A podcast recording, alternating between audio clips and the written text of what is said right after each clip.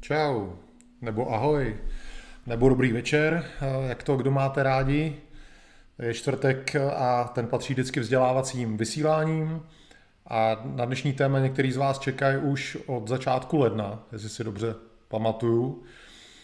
A týká se to slavných rukopisů, eh, především Královedvorského a Zelenohorského, ty jsou nejznámější, ale ještě těch dalších dvou, o kterých dneska budu mluvit a v podstatě uh, budu takovým obranářem, budu člověkem, který bude zastávat jejich pravost, uh, ačkoliv jsou, dá se říct, většinou veřejnosti uh, označovaný jako padělek, tak já prostě budu zase stát proti proudu a pokusím se prostě vám dát nějaký argumenty, proč si myslet, že to padělek žádný není.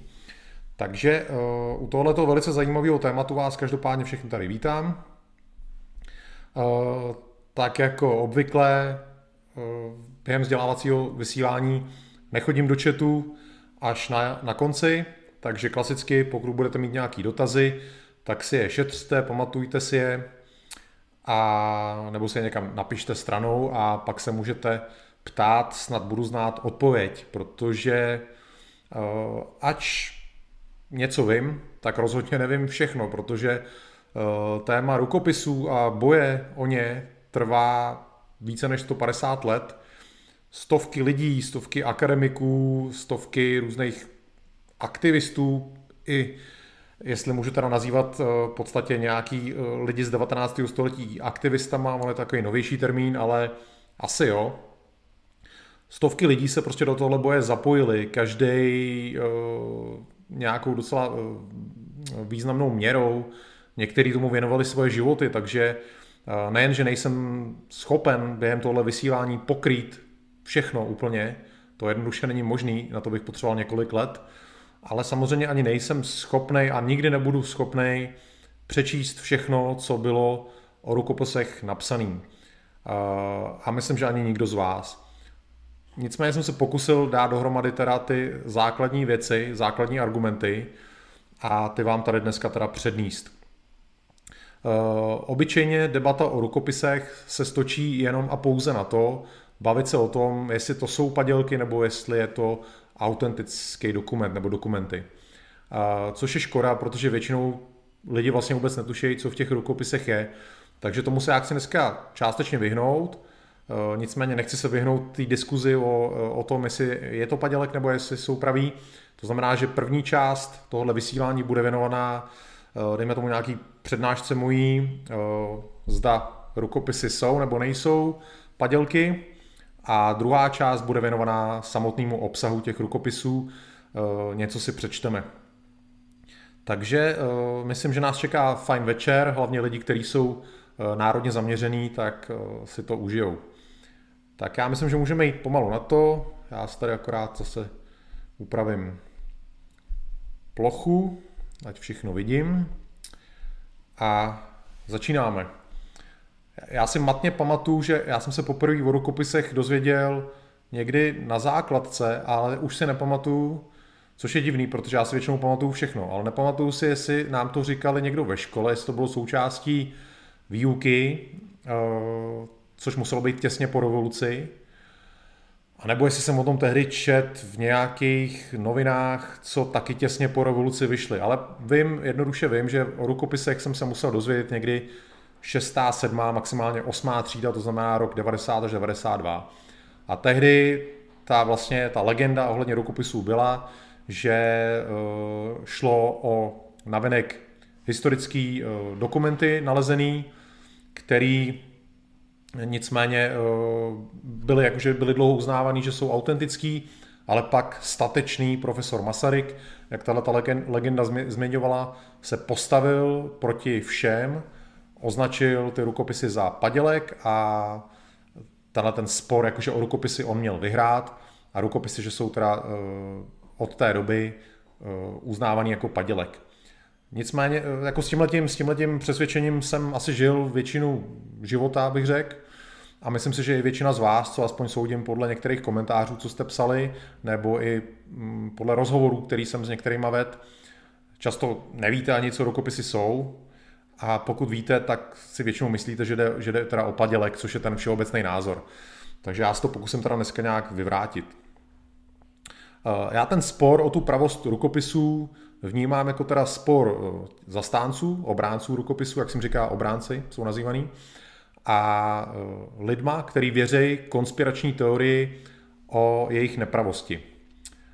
Ze současnosti víme, že konspirační teorie jsou hrozně chytlavá věc, hrozně, hrozně lákavá, spousta lidí jim skočí na lep a jakmile se to jednou ta konspirační teorie rozjede, tak se objevují další a další teorie, eh, proč vlastně eh, by něco mělo být tak, jak je.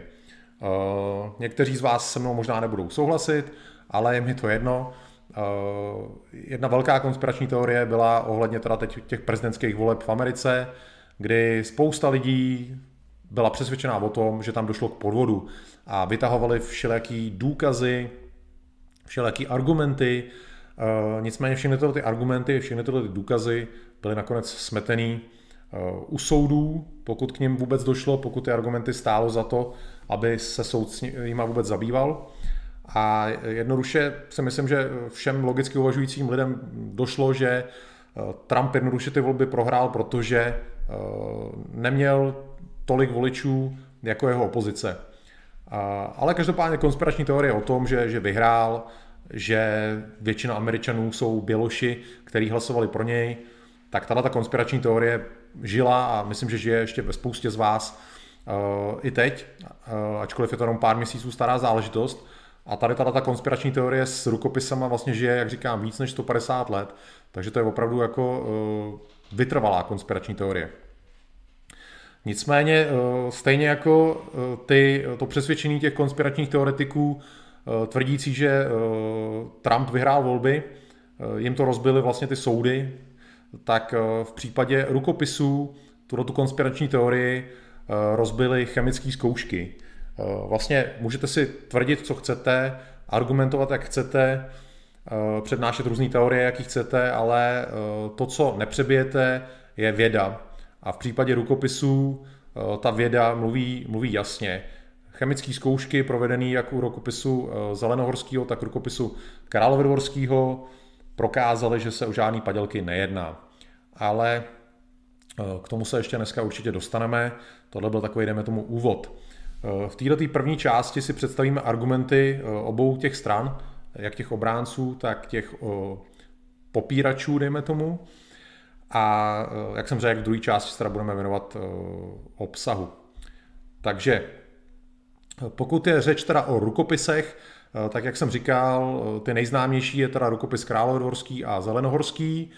Většinou se mluví hlavně o nich, ale jsou ještě další dva. Je to píseň Vyšehradská a milostná píseň krále Václava. Takže jsou v podstatě, jedná se o čtyři rukopisy. Každý z těch rukopisů byl nalezený někde jinde, někdy jindy a někým jiným. Nicméně všechny byly nalezeny v rozmezí asi tří let, což e, právě pro ty konspirační teoretiky je to hlavní podezřelý, že se našli v relativně krátkou dobu od sebe. Postupně si teda to rozebereme, ty e, jednotlivý rukopisy, nějaký základní detaily, co je vlastně každý rukopis zač. Takže úplně první e, rukopis, který byl nalezený, byla píseň Vyšehradská. Já mám tady její obrázek. Takhle vypadá i, i s razítkem. Jedná se prostě o jeden list papíru pouze a tenhle ten list papíru v roce 1816 objevil Josef Linda v domě, ve kterém v té době bydlel. Později, později bylo ověřeno uh, právě chemickou zkouškou, že teda tenhle ten uh, rukopis uh, není originální dokument, ale že se jedná zřejmě o přepis nebo opis starý písně z 13. nebo 14. století a že vlastně ty odpůrci, si, ty odpůrci jsou přesvědčení, že falešný není jenom papír a písmo, nebo ono to není falešný, je to jednoduše novější dokument, který se možná snažil vypadat, že, že je starší. Nicméně tyhle ty odpůrci tvrdí, že vlastně teda nejen, že je falešný tenhle ten dokument a písmo, ale že vlastně i ten jeho obsah je falešný a odmítají, že by tato báseň, tato píseň, píseň byla nějak autentická a myslí si, že buď to napsal ten Linda, který ji našel, anebo je jeho tehdejší spolubydlící, o kterém bude ještě dneska řeč, eh, Václav Hanka, anebo někdo z jejich okruhu. Obránci rukopisu naopak eh, tvrdí, že se jedná o staročeskou báseň či píseň, kterou prostě jenom někdo eh, někdy v pozdější době přepsal či obsal, že v podstatě oni z toho nedělají nějakou, nějaký drama, jako se snaží dělat ty, ty odpůrci, který to prostě označují za padělek a podvod. Ty obránci tvrději, ano, tenhle dokument jako není, ten papír není fyzicky z 13. 14. století, Eh, ale ta báseň ano. Takže to byl takový jenom úvod k tomuhle, k té písni Vyšehradský. Eh, sundáme obrázky. Teď si představíme rukopis Zelenohorský i s jeho obrázkem.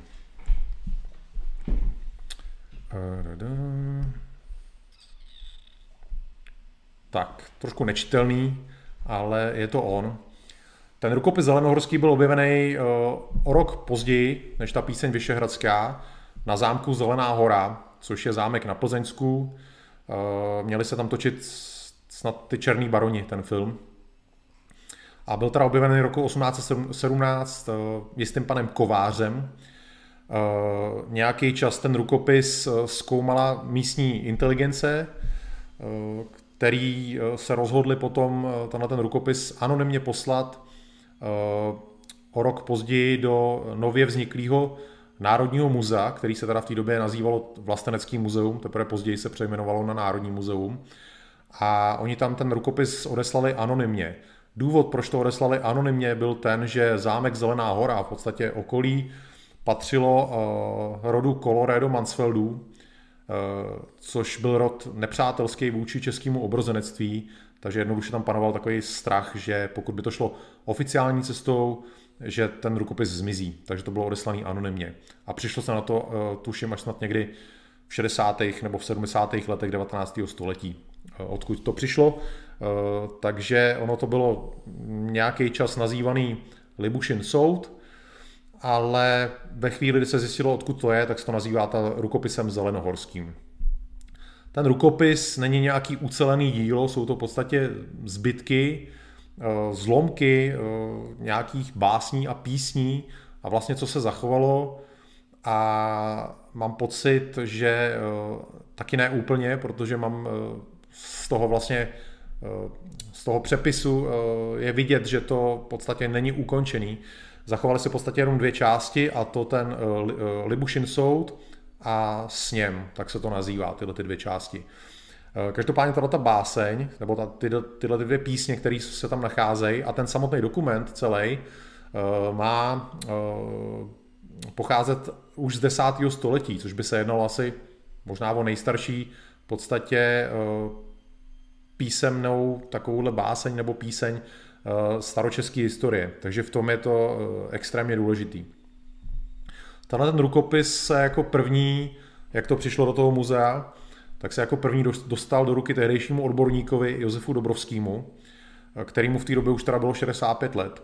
A ten, ten rukopis eh, odmítnul okamžitě, že se jedná o padělek. Nevěřil mu. Po naléhání odborné veřejnosti, aby k tomu vlastně řekl důvody, proč si to myslí, tak sepsal eh, svých slavných 33 námitek, proti pravosti rukopisu Zelenohorského. Na tyhle jeho námitky e, později reagoval František Palacký a Pavel Šafařík, který mu v podstatě ty jeho námitky vyvrátili. Jak už jsem předeslal na začátku, není určitě čas a prostor se jednotlivě zabývat e, každou tou Dobrovského námitkou a každým tím protiargumentem Palackého a Šafaříka. Eh, tehdy eh, vlastně tou protiargumentací Palackého a Šafaříka ten spor byl ukončený a eh, je zajímavý, že tehdy už byl nalezený rukopis Králové dvorský a k tomu Dobrovský v té době neměl žádný námitky. Co se ještě týče tohoto rukopisu Zelenohorského, tak v roce 1840, to znamená 23 let po jeho, po jeho nalezení, byl provedený chemický rozbor toho, toho dokumentu a ten rozbor, nebo ta chemická zkouška odmítla, že by se mělo jednat o padělek. Takže eh, v podstatě věda, eh, věda eh, dala hlavní argument v této debatě tehdy. Třetím rukopisem, asi tím nejznámějším, je teda rukopis Králové dvorský. Ten byl objevený roku 1817 v kostele ve dvoře Králové nad Labem. A to je ta věc, která je eh, odpůrcům podezřelá. Byl totiž objevený Václavem Hankou, což je ten spolubydlící Josefa Lindy, který objevil tu píseň Vyšehradskou. Eh, tohle prostě jednoduše je pro ně eh, jeden z největších argumentů podivnosti, jak je možný, že prostě dva spolubydlící objevějí na různých místech takovýhle jako zásadní dokumenty. Takže tohle prostě, tohle je fakt. Hanka, když to tady objevil, eh, tak s ním tam byl místní kaplan eh, a vlastně Hankovi bylo dovoleno místními úřady, aby si ten rukopis eh, nechal. On ho měl u sebe pět let a po pěti letech ho věnoval Národnímu muzeu, kde shodou okolností začal tehdy pracovat. Co se teda rukopisu krále Dvorského týče, jde o soubor 14 básní nebo písní, kdy sedm je kratších, takový lirický, lirický věci v podstatě většinou o, o zamilovaný tívce nějaký, nebo v podstatě něco, nějaká oslava přírody, takový opravdu lirický věci krátký. A sedm věcí jsou o něco delší písně z naší, z naší historie. A z různých etap naší historie. Tato ten, tenhle ten rukopis královodvorský by měl pocházet eh, ze 14. století, to je, to je dojem vlastně. Eh, ten jeho obsah, ty básně nebo ty písně, co jsou v rukopisu královodvorským, eh, byly vždycky bez ohledu na něčí přesvědčení, že se jedná o podělky, vždycky byly hodnoceny jako velice kvalitní poezie, vysoké literární hodnoty.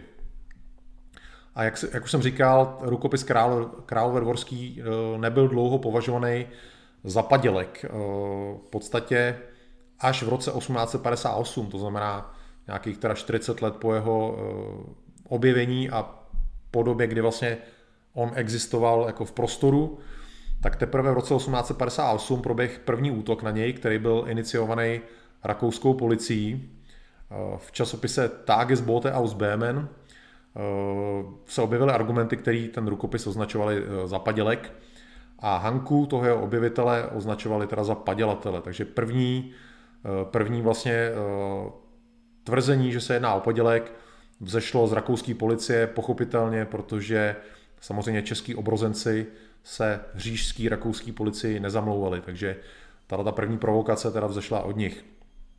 Proběh kvůli tomu soud, Eh, kdy vlastně redaktor, který byl odpovědný za vydání tohoto článku, byl shledán vinným z pomluvy. Eh, v roce 1879 eh, vyšel další útok proti tomu rukopisu Králové dvorskému.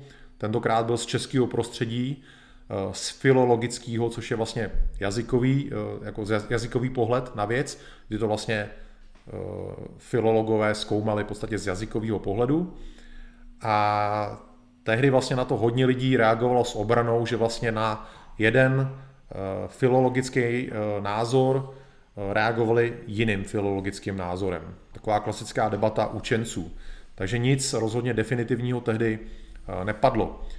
Hlavní boj o rukopisy začal v roce 1886, kdy, jak už jsem teda zmínil, ho ved tehdejší profesor Masaryk, který mu bylo v té době 36 let. Eh, ten schromáždil v podstatě všechny odpůrce rukopisů a dal jim prostor ve svém časopise Athenaeum. Eh, ten útok ved Masaryk, ty zastánce rukopisů hystericky označoval za podvodníky a eh, nacionalisty. A ty jeho námitky vůči rukopisům lze rozdělit do několika bodů. Měl za první námitky estetické, kdy upozorňoval na údajné nelogičnosti v textu rukopisu. Věci, co nemají dávat smysl. Obránci rukopisů na to reagovali, že tyhle ty nelogičnosti, věci, co nedávají smysl, se objevují v podstatě skoro v každý básni i v moderní době, že jednoduše podle toho nelze soudit uh, hodnověrnost díla. Uh, další sféra námitek byla sociologická, kdy on vlastně rozebíral některé tvrzení, které jsou objevují v rukopisech, které byly podle něj historickým nesmyslem, podle něj nesprávně popisovali tehdejší společenský uspořádání Eh, což mu bylo taky vyvráceno. Já se k tomu ještě dostanu. On tam především narážel na to, že eh, v těch rukopisech ta tehdejší společnost je popisována jako, jako demokratická, že tam lidi hlasují a, a v podstatě každý má co říct k tématu. K tomu se vyjádřím ještě později. Co teda hlavně tvrdil, eh, že teda padělatelem je Hanka a jako důkazy tehdy přines uh, různý texty, soubor různých textů a knih, ze kterých uh, měl Hanka čerpat. Obránci rukopisů na to zareagovali tehdy tak, že pokud by Hanka ve svých 26 letech, kdy vlastně ty rukopisy objevil, skutečně z těch textů čerpal, tak by to musel, musel by je znát samozřejmě ty texty a tím by se stal asi jedním z nejvzdělanějších lidí na světě, protože jednal se opravdu o kvanta informací. Eh, takže v podstatě na každý ten Masarykův argument se objevil protiargument. Rozhodně tam nikdo v té debatě nezvítězil. Možná bych se jako z logiky věci spíš přiklánil k tomu, že ty obránci rukopisů eh, podstatě měli sil, silnější argumenty než Masaryk. Eh, objevovaly se třeba argumenty taky, že věci, co se objevily v rukopisech, nebyly v době jejich údajného napsání známý, že v podstatě Eh, ty autoři těch rukopisů eh, ty věci nemohli znát. A jak už jsem taky zmínil na začátku, výčet těch jednotlivých argumentů proti a argumentů pro rozhodně přesahuje rámec tohoto vysílání, rámec mnoha vysílání přesahuje, takže nemůžu jít určitě do detailu. Jak už jsem taky říkal, ten spor se vede víc než 150 let a těch argumentů jsou tisíce ale jak říkám, znova zdůraznuju, každá eh, subjektivní námitka, která se objevila, která narážela na to a na, na tamto, každá námitka byla logicky podle mě uh, vyvrácena, nebo, nebo minimálně stejně subjektivně napadena. Takže uh, v té době, kdy, kdy byl na vrcholu na ten boj o rukopisy, v té době Masarykový, rozhodně nedošlo k nějakému vítězství toho Masarykova křídla. Jednoduše dvě strany se hádaly o, o detailech v rukopisech. Už tehdy v tom 19. století, kdy zuřil tenhle ten boj akademiků, tak se udělala chemická zkouška rukopisu králově Dvorského, která ty strany měla rozsoudit. A už tehdy v tom 19. století ta chemická zkouška potvrdila, že se o padělek nejedná, že eh, to dílo nejeví žádný známky v podstatě padělku nebo nějakého nového dokumentu, nově stvořeného. Eh, taky se tam, ono se tam jednalo, co se týče té chemické zkoušky, jednalo se o přítomnost takzvaný berlínský modři, eh, modře, která se objevila na, na tom rukopisu, což vlastně odpůrci vysvětlovali Eh, že to je falešnost, že to je důkaz falešnosti, protože ta eh, berlínská moc je poměrně eh, nový barvivo. Nicméně obránci to vysvětlili tím, že ta berlínská moc se tam objevila při restauraci toho dokumentu, když vlastně ten dokument byl oživován z toho vybledlého tvaru, dejme tomu, ve kterém, ve kterém se našel. Eh, jeden z populárních argumentů, který se objevuje do dneška a do dneška se opakuje, eh, je tvrzení, že na tom rukopisu byl nalezený, eh, nalezený dvě slova Hanka fecit, což vlastně v latině má znamenat udělal Hanka. Odpůrce to ohromně tohleto posílilo, jakože obrovský důkaz, nicméně, když se ten rukopis podrobně zkoumal, Eh, tak žádná taková značka se tam nenašla, nikdy se tam nenašla. Jednoduše to byl zase totálně vylhaný argument, tak jako se vždycky objevuje u konspiračních teorií, že prostě někdo vyšle nějakou informaci, která pak žije svým životem a, a, a vlastně důkazy pak ukážou, že, že to byla hloupost. Nicméně přes tohleto všechno, přes ty výsledky chemické zkoušky, přes protiargumentaci, přes vyvrácený nesmysly jako to Hanka Fecit, uh, tlak odpůrců rukopisů ved k tomu, že teda ještě za Rakouska Uherska, ještě v tom 19. století, rakouský úřady, v jejich zájmu to samozřejmě bylo, uh, jak znova zdůraznuju, oni nějaký obrozenci, nějaký národní český hnutí, nebylo říšským úřadům rakouským pochuti, Eh, tak vlastně Rakousko začalo považovat ty rukopisy za padělky a tak se o nich i vyučovalo ve školách. Už od podstatě od konce 19. století eh, český žáci eh, v něm, jako ve školách tady se učej, že rukopisy jsou padělky, takže taková dlouho opakovaná lež se nakonec stala skutečností. Tím pak ten spor na čas utichl, objevovaly se Mm, takové epizody, třeba jako v roce 1911 archeolog Josef Ladislav Píč eh, si půjčil část rukopisů a ukázal to odborníkům eh, v Miláně a v Paříži, který rukopisy označili, že to je pravý dokument, autentický, to podle toho, co viděli. Nicméně, když se vrátil zpátky, tak tady vlastně ta akademická veřejnost byla zcela ve vleku těch Masarykovců, eh, takže mu se tady vysmáli a on to nevydržel, ten, tenhle ten tlak a spáchal sebevraždu. A po jeho sebevraždě Masaryk a jeho banda eh, vydali tehdy prohlášení, takový nabubřelý, eh, ve kterém sdělili, že podle nich je ten spor uzavřený a že rukopisy jsou, jsou padělkem. Přes to všechno, co jsem řekl, že chemická zkouška tvrdila opak, že prostě každý argument byl vyvrácený a, a, a podobně. Prostě ty Masarykovci, eh, ty obránci rukopisů jednoduše překřičili, nebo ten jejich tlak byl větší než tlak těch obránců.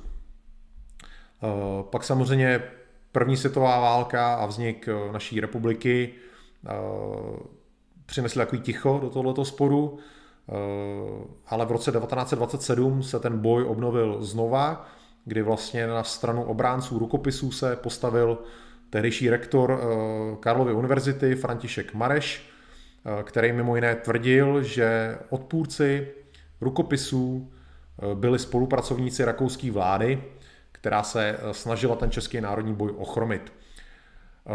V roce 1932 pak byla založena česká společnost rukopisná, která mimochodem existuje dodnes. Ona tam neexistuje souvisle, ale byla obnovena já vám tady do chatu pošlu odkaz na ní. Pokud byste se o to zajímali, tak tady na tomto odkazu najdete naprosto všechno. Ale je tam to opravdu strašně moc těch informací, takže nečekejte, že tam najdete jeden vše schrnující článek. Jsou tam tisíce článků, je to opravdu uh, vyčerpávající jako kronika informací. Uh, tak, uh, já jsem mimochodem jsem jim i psal teď kvůli nějakým informacím, rychle mi odpověděli, takže uh, funguje to. Funguje to, ta rukopisná společnost funguje a oni se vlastně snaží uh, schromažďovat veškeré teda materiály, veškeré informace a tak nějak uspořádaně vysvětlit, že ty rukopisy jsou teda pravý. Uh, potom tu diskuzi o rukopisech zastavili jak nacisti, tak komunisti. Komunisti navíc v 60. letech iniciovali nový boj proti pravosti rukopisů. V roce 1967 byl uh, kriminalistický ústav pověřený vlastně zkoumáním té pravosti. Ten kriminalistický ústav schromážil v podstatě už ty existující argumenty a udělal svůj vlastní chemický rozbor v té době. A na základě svého chemického rozboru tvrdil, že rukopis Královedvorský Eh, je takzvaný palimpsest, což je v podstatě padělek, eh, respektive starý, starý papír eh, s novým písmem.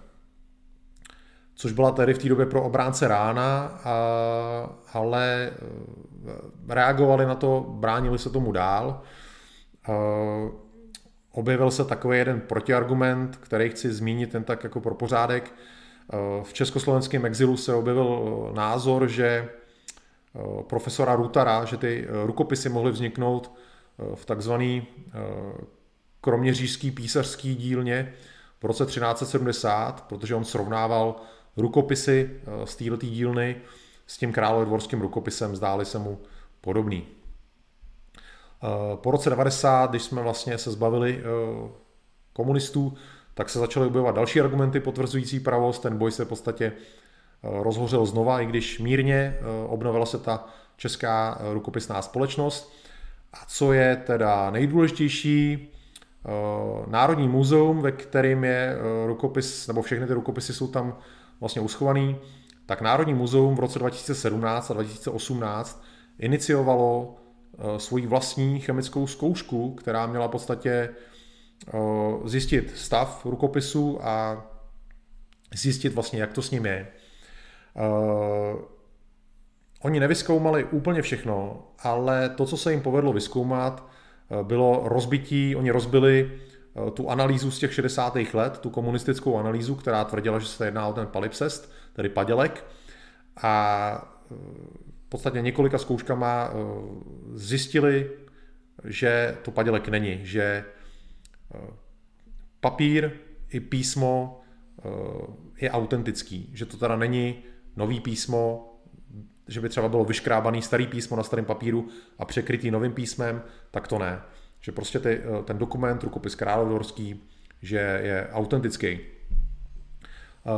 Nepodařilo se nicméně, nebo on ten rukopis není úplně eh, ve formě už, už těma vlastně různýma zkouškama byl trochu poškozený, takže se vlastně k němu musí přistupovat velice citlivě. Eh, nebylo zjištěný eh, zatím stáří toho rukopisu, což je určitě důležitá věc, ale znova teda opakuju, bylo potvrzeno, že rukopis Královedvorský není padělek. Jednoduše je to autentický dokument, takže tato ta zkouška relativně čerstvá, tři roky stará, eh, potvrdila v podstatě to, co obránci eh, tvrdí těch více než 150 let, že rukopis královorský není padělkem. Eh, a posledním čtvrtým rukopisem je, koukám, že jsem vám neukázal, jsem tady zapomněl zase rukopis Zelenohorský, možná jste mi o tom psali, ale nechodím do četu, takže vám tady bleskově ukážu. Takhle vypadá ta rukopis Králové dvorský. Vidíte, že to je taková malá, útlá, eh, dejme tomu knížečka, to můžeme nazvat. Takže takhle vypadá rukopis Králové dvorský.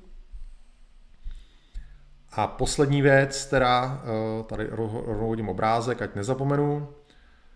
Eh, poslední věc je milostná píseň krále Václava, která má pocházet údajně ze 13. století. Eh, zase jedná o jeden list papíru, nalezený pracovníkem univerzitní knihovny v roce 1819, panem Zimmermanem. Nicméně u této milostné písně se jedná o stejný případ, jako u té písně Vyšehradský, kdy se zřejmě jedná o staročeský text, který někdo přepsal, obsal na novější papír. Takže eh, ten samotný list, ten samotný rukopis není ze 13. století, e, nicméně obránci se domnívají, že to, co je na něm napsané, ze 13. století je, pouze to někdo obsal, přepsal, přemaloval. Tak, já to můžu dát dolů. A jen tak pro ilustraci si tam necháme ten rukopis Králové dvorské. Malin, malinký, trošku ho zmenším, ať mě nezakrývá. Tak šup s ním takhle do rohu. Eh, takže to bylo tak eh, v podstatě eh, detaily na úvod, co vlastně každý rukopis je a to, co o něm víme. A teď trošku podrobněji k těm argumentům proti, proti rukopisům. Těch argumentů proti rukopisům je hrozně moc. Znova budu opakovat, každý ten argument byl v průběhu let vyvrácený nebo byl nabídnutý protiargument. Eh, ta společnost rukopisná, její odkaz na ní jsem vám hodil do chatu, eviduje všechny, eh, všechny lidi, který se do toho boje zapojili a je to opravdu obrovský seznam. Jenom projít se seznam těch lidí od A do, do Z je na dlouho. Uh, jde opravdu o stovky lidí, možná tisíce, já jsem to nepočítal, ale uh, když jsem to procházel, tak jsem si říkal, to není možný, že tolik lidí opravdu se do toho boje zapojilo na obou stranách. Popsat ty argumenty a protiargumenty, to, to by bylo na takhle obrovskou knížku. Uh, pokud teda nechci postupovat chronologicky, jak se ten boj o ty rukopisy vyvíjel, jaký argumenty padaly za tu dobu, eh, tak eh, jsem si vytvořil takový okruhy argumentační, eh, kolem kterých se ty argumenty proti rukopisům točí. Je tady teda na prvním místě jazykový okruh, ten filologický okruh, kdy odpůrci tvrději třeba, že rukopis Královédvorský a rukopis Zelenohorský, že jsou si podobný gramaticky, nebo že se zde objevují slova, které v době, kdy měly být sepsaný, uh, nebyly používaný. Hlavním protiargumentem, protože tohle je vlastně názor něčí jenom, hlavním protiargumentem na tohle to je, že v době, kdy ty rukopisy vznikaly nebo vznikly, neexistovaly žádný pravopisný pravidla, pravidla každý v podstatě psal tak, jak uměl. A stejně tak bylo vysvětlený i použití některých těch slov, které údajně neměly existovat, tak eh, každý slovo bylo nějakým způsobem vysvětlený. Eh, zase je to hodně, že eh, není prostor tady se tím zabývat.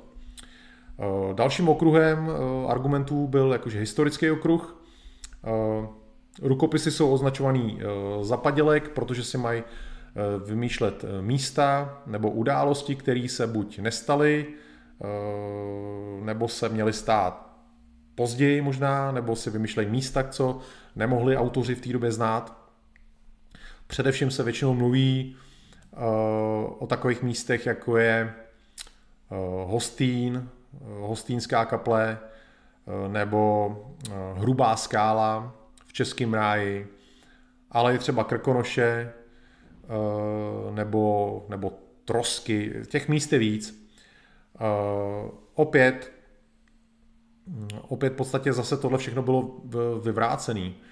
Eh, já třeba jsem se jako z pilnosti včera díval na ty krkonoše, který se skutečně ten název objevuje v rukopisech. Mám pocit, že v Zelenohorském, teď se nejsem jistý, v Libušině soudu. A říkal jsem si, jak je jako možný, aby eh, v desátém století někdo znal Krkonoše, ale na to je prostě protiargument, že není nijak dokázaný, že to je nemožný. Je pravda, že jako zmínka nějaká písemná o Krkonoších se objevuje třeba až v 15. století, ale to vůbec neznamená, že eh, pod tím názvem eh, Češi ty hory neznali. Pak zase je z filologického hlediska vysvětlený, proč se krkonošům říká krkonoše. Takže vždycky na všechno je, je nějaký protiargument. Hrubá skála, to často omílají, že hrubý skále v Českém ráji se začalo hrubá skála říkat až taky někdy později. Hrubá skála se teda objevuje v rukopisu e, Královedvorským. E, tak my opět nevíme přece na 100%, od kdy se hrubý skále říkalo hrubá skála. To, že máme nějakou první písemnou zmínku, vůbec přece neznamená, že se tomu tak nemohlo předtím říkat. Takže to jsou vždycky takové argumenty eh, na vodě, který, na který se prostě takhle jednoduše odpoví a, eh, a je to jako, je to nerozhodně, dejme tomu. Eh, další vlastně takový okruh, který už jsem teda zmínil, což vadilo tomu Masarykovi, že ty postavy nebo většina děje Eh, aspoň teda v tom Libušin, Libušině soudě, eh, jsou příliš demokratický, že se tam jako má teda hlasovat, že lid má do věcí co mluvit, což oni tvrdili, že v době, kdy se ty rukopisy teda objevily, že ty český obrozenci, vlastenci byli ovlivněni francouzskou revolucí, která byla jakože eh, rádoby demokratická a, a ty vlastně ty padělatelé to promítli do díla. Tohle bylo, tenhle ten názor byl zesměšněný tolikrát, už jenom vlastně názorem, že pokud by padělatelé se tak strašně snažili být věrohodný, tak by si určitě na tuhle tu věc dali pozor. Ale uh, My jednoduše víme, že Slovani byli takový. Kdo jste viděli moje vysílání o zničení polapských Slovanů, kde vlastně jsem se v, začátku toho vysílání věnoval historii Slovanů, tak vlastně jsem tam říkal, že to slovanské společenství ještě v té původní pravlasti bylo vyhledávanou, dejme tomu, zemí spoustu lidí, protože okolo nich byly říše, které byly, dejme tomu, takový diktátorský, utlačovatelský a uh, u Slovanů vládla pohoda, když to řeknu takhle obyčejně. Ne že nějaká jako demokracie, ale uh, žádná hrůzovláda, přesně tak lidi rozhodovali o, o svých životech. Uh, takže tohle to v podstatě možná v 19. století Masarykovci nevěděli, ale my dneska víme, že ta slovanská společnost jednoduše svým způsobem demokratická byla. Takže eh, autoři v podstatě v těch rukopisech eh, nepopisovali nějakou chiméru, ale stav slovanských společností u nás jednoduše. Takže tohle to bylo, bych řekl, vyvráceno. Pak je tam literární okruh argumentů kdy ty odpůrci tvrdějí, že se nenašlo nic podobného. Že vlastně je divný, aby jsme neznali eh, další díla těch autorů, těch rukopisů, eh, nebo eh, díla někoho jiného o tom samém. Že to je prostě podezřelý. A že se tam objevují vlivy jako z nějakých děl, které v době rukopisů neexistovaly. Ale prostě si potřeba uvědomit, že ty rukopisy mohly mít jakýkoliv osud. Tady v naší zemi domy, hrady, kostely byly, byly vypalovaný, hlavně za husitů, kdy vlastně už ty rukopisy, většina z nich měla existovat. Spoustu věcí bylo jednoduše zničeno, ztratilo se nenávratně. To, že se něco nedochovalo z té doby, neznamená, že, že to neexistovalo. To jednoduše není argument tohleto. Stejně tak neznamená nic eh, podobnost s nějakýma jinýma příběhama. Eh, vemte si vlastně jednu z prvních literatur, možná první literaturu evropskou, což byl Homer. Eh, ty příběhy, o kterých on psal, ať už teda Trojská válka Eliada, se nějak podobně objevují v jiném prostředí s jinýma hrdinama jinde a jindy. Takže podobnost s jinýma příběhama jednoduše taky není argument. A eh, jeden z posledních argumentů, eh, čemu se divili ty, ty, ty odpůrci, že vlastně eh, v těch, dí, v těch rukopisech není vůbec znám nějaký německý vliv, což jim jakože bylo divný, protože tvrdili, Němci tady s náma byli staletí, jak to, že prostě v těch rukopisech o tom není žádná zmínka. Eh, jednoduše jim vadí, že jakoby Němci neměli na něco u nás vliv.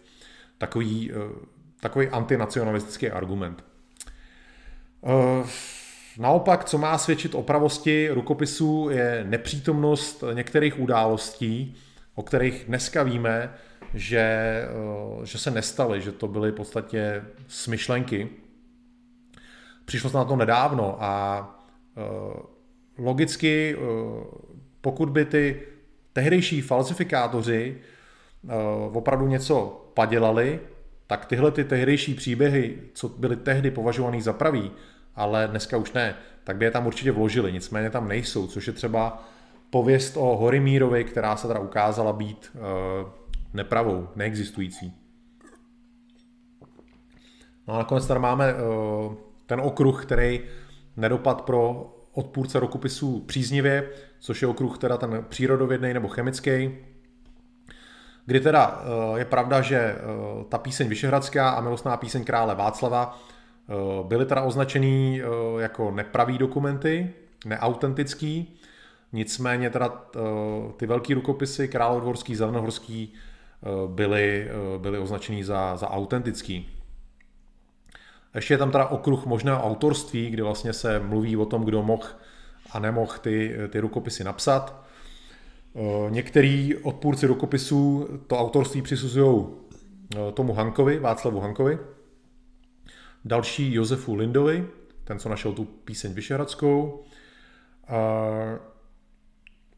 což ale jsou to takový, zase takový prostě divoký, divoký konstrukce, který opět známe z dnešní doby. Pokud něčemu věříte, tak pak, pak si v podstatě sami skládáte nějaké argumenty, vytváříte si svoje vlastní teorie. Uh, takže uh, tohle se dělo tady v případě těch rukopisů. Nicméně pečlivý rozbor všech čtyř rukopisů, nejen nejen teda rukopisu královorského a zelenohorského, ale pečlivý rozbor všech těch čtyř rukopisů dokazuje, že každý ten rukopis musel být napsaný někým jiným. Jsou to úplně v podstatě jiný styl psaní, eh, což si myslím vyvrací, eh, že by, že by to v podstatě napsal Hanka nebo Linda eh, nebo někdokoliv z jejich okruhu. Maximálně to prostě může, jako zase, to je pak zase další teorie konspirační, že to byl celý tým geniálních básníků, který, který to spadělali, což je absolutně postavený na hlavu. Takže všechny tyto ty čtyři díla, všechny tyto čtyři rukopisy uh, prokazatelně byly psaný každý z nich někým jiným, jiným člověkem úplně. Uh, těch konspiračních teorií o tom autorství je víc, mohl bych tady se tím teď zabývat třeba ještě vlastně ten rukopis zelenohorský, eh, kolem mě je taková velká konspirační teorie. Eh, tvrdí se teda, vlastně oni tvrdí, tyhle ty odpůrci, že Hanka nebo Linda nebo někdo z jejich okruhů eh, sepsal ten rukopis zelenohorský, v podstatě to spadělal a ten text a to písmo namaloval kamarád Hanky, malíř František Horčička. Tenhle ten František Horčička totiž jezdil na ten zámek Zelená hora. A vlastně ta konspirační teorie tvrdí, že ve chvíli, kdy, kdy to stvořili to dílo, tak tenhle ten Horčička malíř při jedný ze svých náštěv to tam měl někde jako nechat, aby, eh, aby to tam bylo nalezeno. A buď teda ta konspirační teorie neví, jestli byl smluvený s místníma úředníkama, který to pak měli jakože najít, anebo to schoval tak špatně, aby to bylo nalezený. Eh, pak vlastně eh, po tom, co to bylo nalezený, tak to bylo poslaný teda Dobrovskýmu, který jim to totálně splival. Eh, v podstatě nedává to úplně smysl. Nedává to smysl, to ty konspirační teorie. Ale jsou jednoduše lidi, nebo byli lidi, kteří tomu věřili a tohle v podstatě byla jedna z jejich variant, kdy na základě toho, že kamarád Hanky Eh, co měl jezdit na zámek Zelená hora, eh, byl malíř, tak si vytvořili svoji teorii, že tahle ta skupina lidí to v podstatě vytvořila. Eh, tady vždycky se argumentovalo tím, že buď by teda opravdu bylo soubor minimálně čtyř geniálních básníků, protože opravdu všechny ty díla jsou hodnocený jako velice kvalitní díla, takže to nemohlo jít o nějakého prostě škrabálka, co něco se píše. Museli to být čtyři naprosto geniální lidi, velice inteligentní, velice sečtělí a hlavně vynikající básníci, což Hanka ani Linda nebyli. Jejich díla, které se objevily v jejich životě, nedosahovaly ani zdaleka kvalit těch rukopisů, takže jednoduše oni autoři být nemohli. Eh, občas se argumentovalo tím, že eh, nebyl autor jenom jeden z nich, ale že se spojili, čemuž se vysmíval Neruda, že eh, pokud se sejdou dva mazalové, tak těžko vytvoří obraz jako Rafael, Rafaelo, že to prostě, hm, když dáte víc umělců špatných dohromady, nevytvoří dobrý dílo. Takže buď teda to museli být minimálně čtyři geniální básníci, kteří se spojili, což je prostě na hlavu postavený, nebo šlo o jednoho super geniálního básníka, který dokázal vytvořit čtyři naprosto slo, stylově uh, odlišný díla, což je taky velice nepravděpodobný. I vzhledem k tomu, že vlastně se nic podobného už nikdy neobjevilo. Pokud by to opravdu někdo vytvořil v té době, tak už pak nikdy nic jiného nenapsal. Eh, Takže vlastně takovýhle, takovýhle jako teorie, takovýhle teorie o spiknutí několika skvělých básníků a malířů, který to vytvořili, tak tahle ta teorie v podstatě žila, možná že je dodnes. A vlastně si myslím, že vlastně ty chemické zkoušky eh, jim eh, tohleto vyvrátili, plus vůbec logika věci, eh, že jednoduše pravděpodobnost, že by se sešla takováhle parta utajeně, něco vytvořili a nikdo se nikdy nedozvěděl, prostě jako neuniklo, jak to bylo, podle mě je absolutně nevěrohodná. Eh, já jsem, když jsem to všechno v podstatě si dával dohromady, eh, tak jsem se na to taky zkoušel dívat logicky, hlavně z dnešního pohledu. Eh, kde jsem viděl nějakou nejasnost, tak jsem se právě třeba zeptal té rukopisní společnosti, ptal jsem se kamaráda, který se rukopisům hodně věnuje a snažil jsem se v podstatě dávat dohromady ty střípky a myslím si, že jsem stvořil v podstatě takovou, dejme tomu, linii, jak to asi bylo doopravdy. Takže eh, tady vám to řeknu. Eh, pokud si vezmeme teda časovou posloupnost, co se stalo, tak, eh, tak to bylo teda zhruba nějak takhle. Ten Linda, Josef Linda, nachází teda v roce 1816 píseň Vyšehradskou, což je teda přepis staré básně, kterou nicméně on v té době pokládá za originál, protože není Eh, znalcem v žádném směru, eh, netuší, netuší. Eh, nicméně později je teda prokázáno, že ten, ten list papíru není autentický. On se s tím letím nálezem svěří svýmu spolubydlícímu, mladému Václavovi Hankovi, který později, protože byl to vlastenec, byl to obrozenec, a začal se v té době vlastně zajímat o tyhle ty věci. Eh, vlastně ten objev tohoto rukopisu v něm tohleto vzbudil a on to o rok později, tu píseň Vyšeradskou, eh, teď nevím, jestli o rok později, nebo kdy to přesně bylo, ale vydává jí. Eh, a vlastně on sám začne aktivně pátrat po dalších různých rukopisech, který se vlastně mohly nacházet jenom někde. Ať už to mohly být kláštery, nebo hrady, nebo kostely.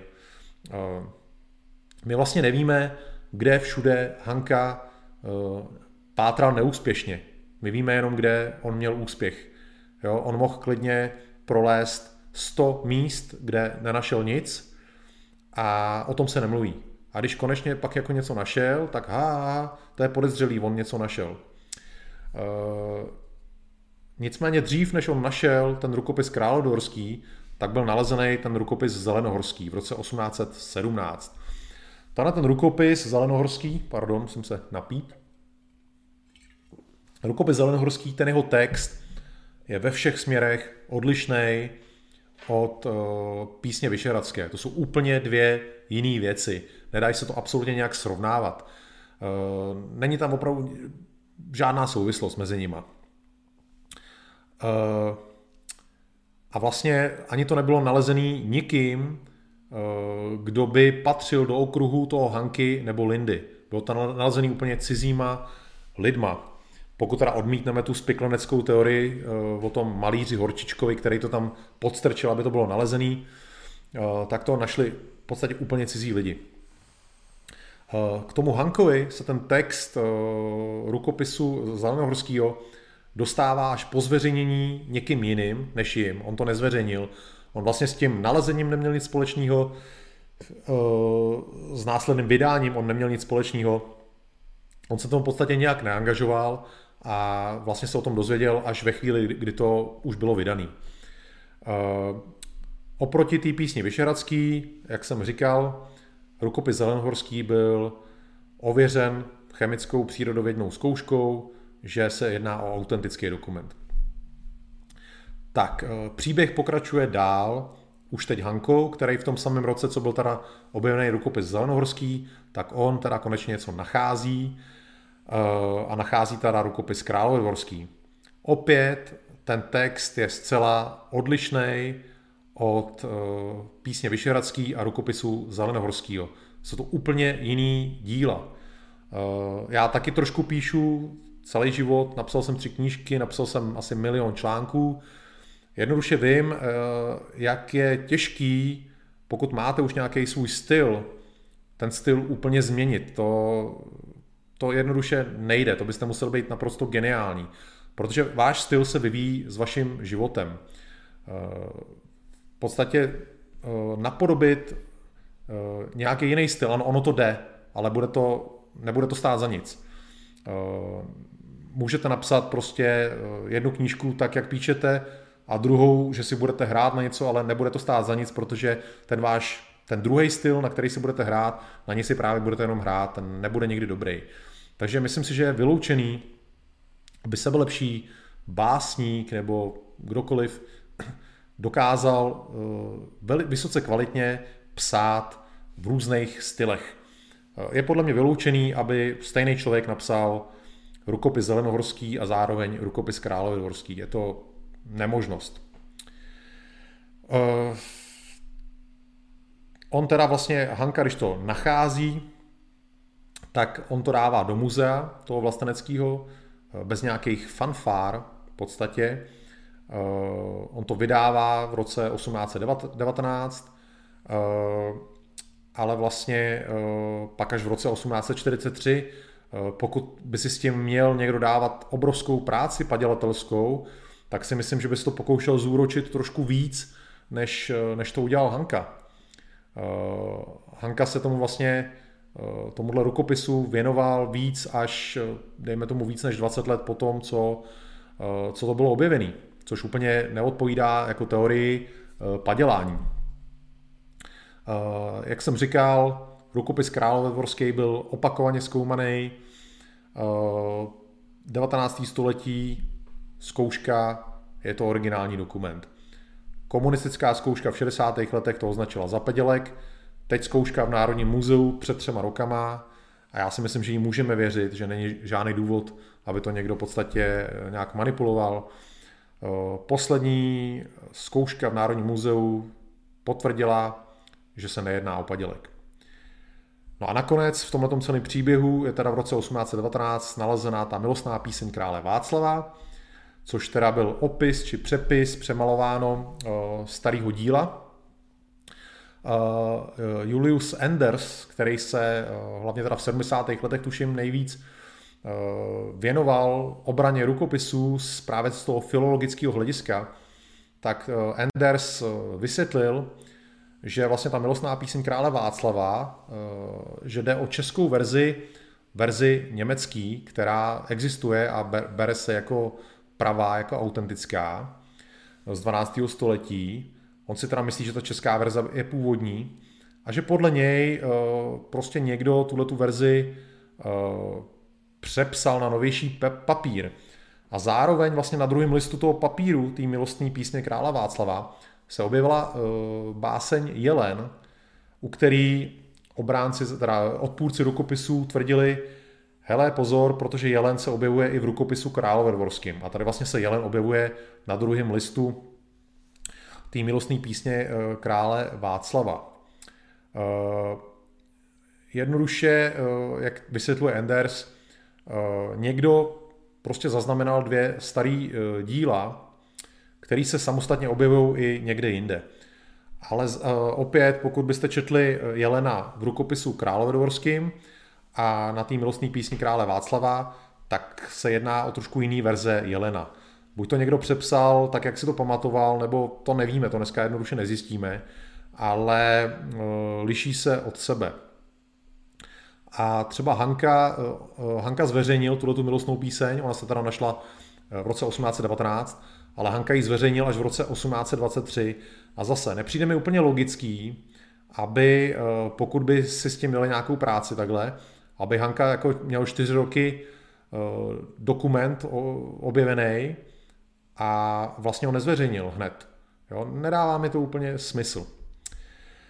Takže uh, co si, co si myslím, že všechny ty čtyři rukopisy, co, co teda existují, takže uh, je určitě někdo znal a, a viděl před těma, co je v tom rozmezí let 1816 a 1819 znova objevili.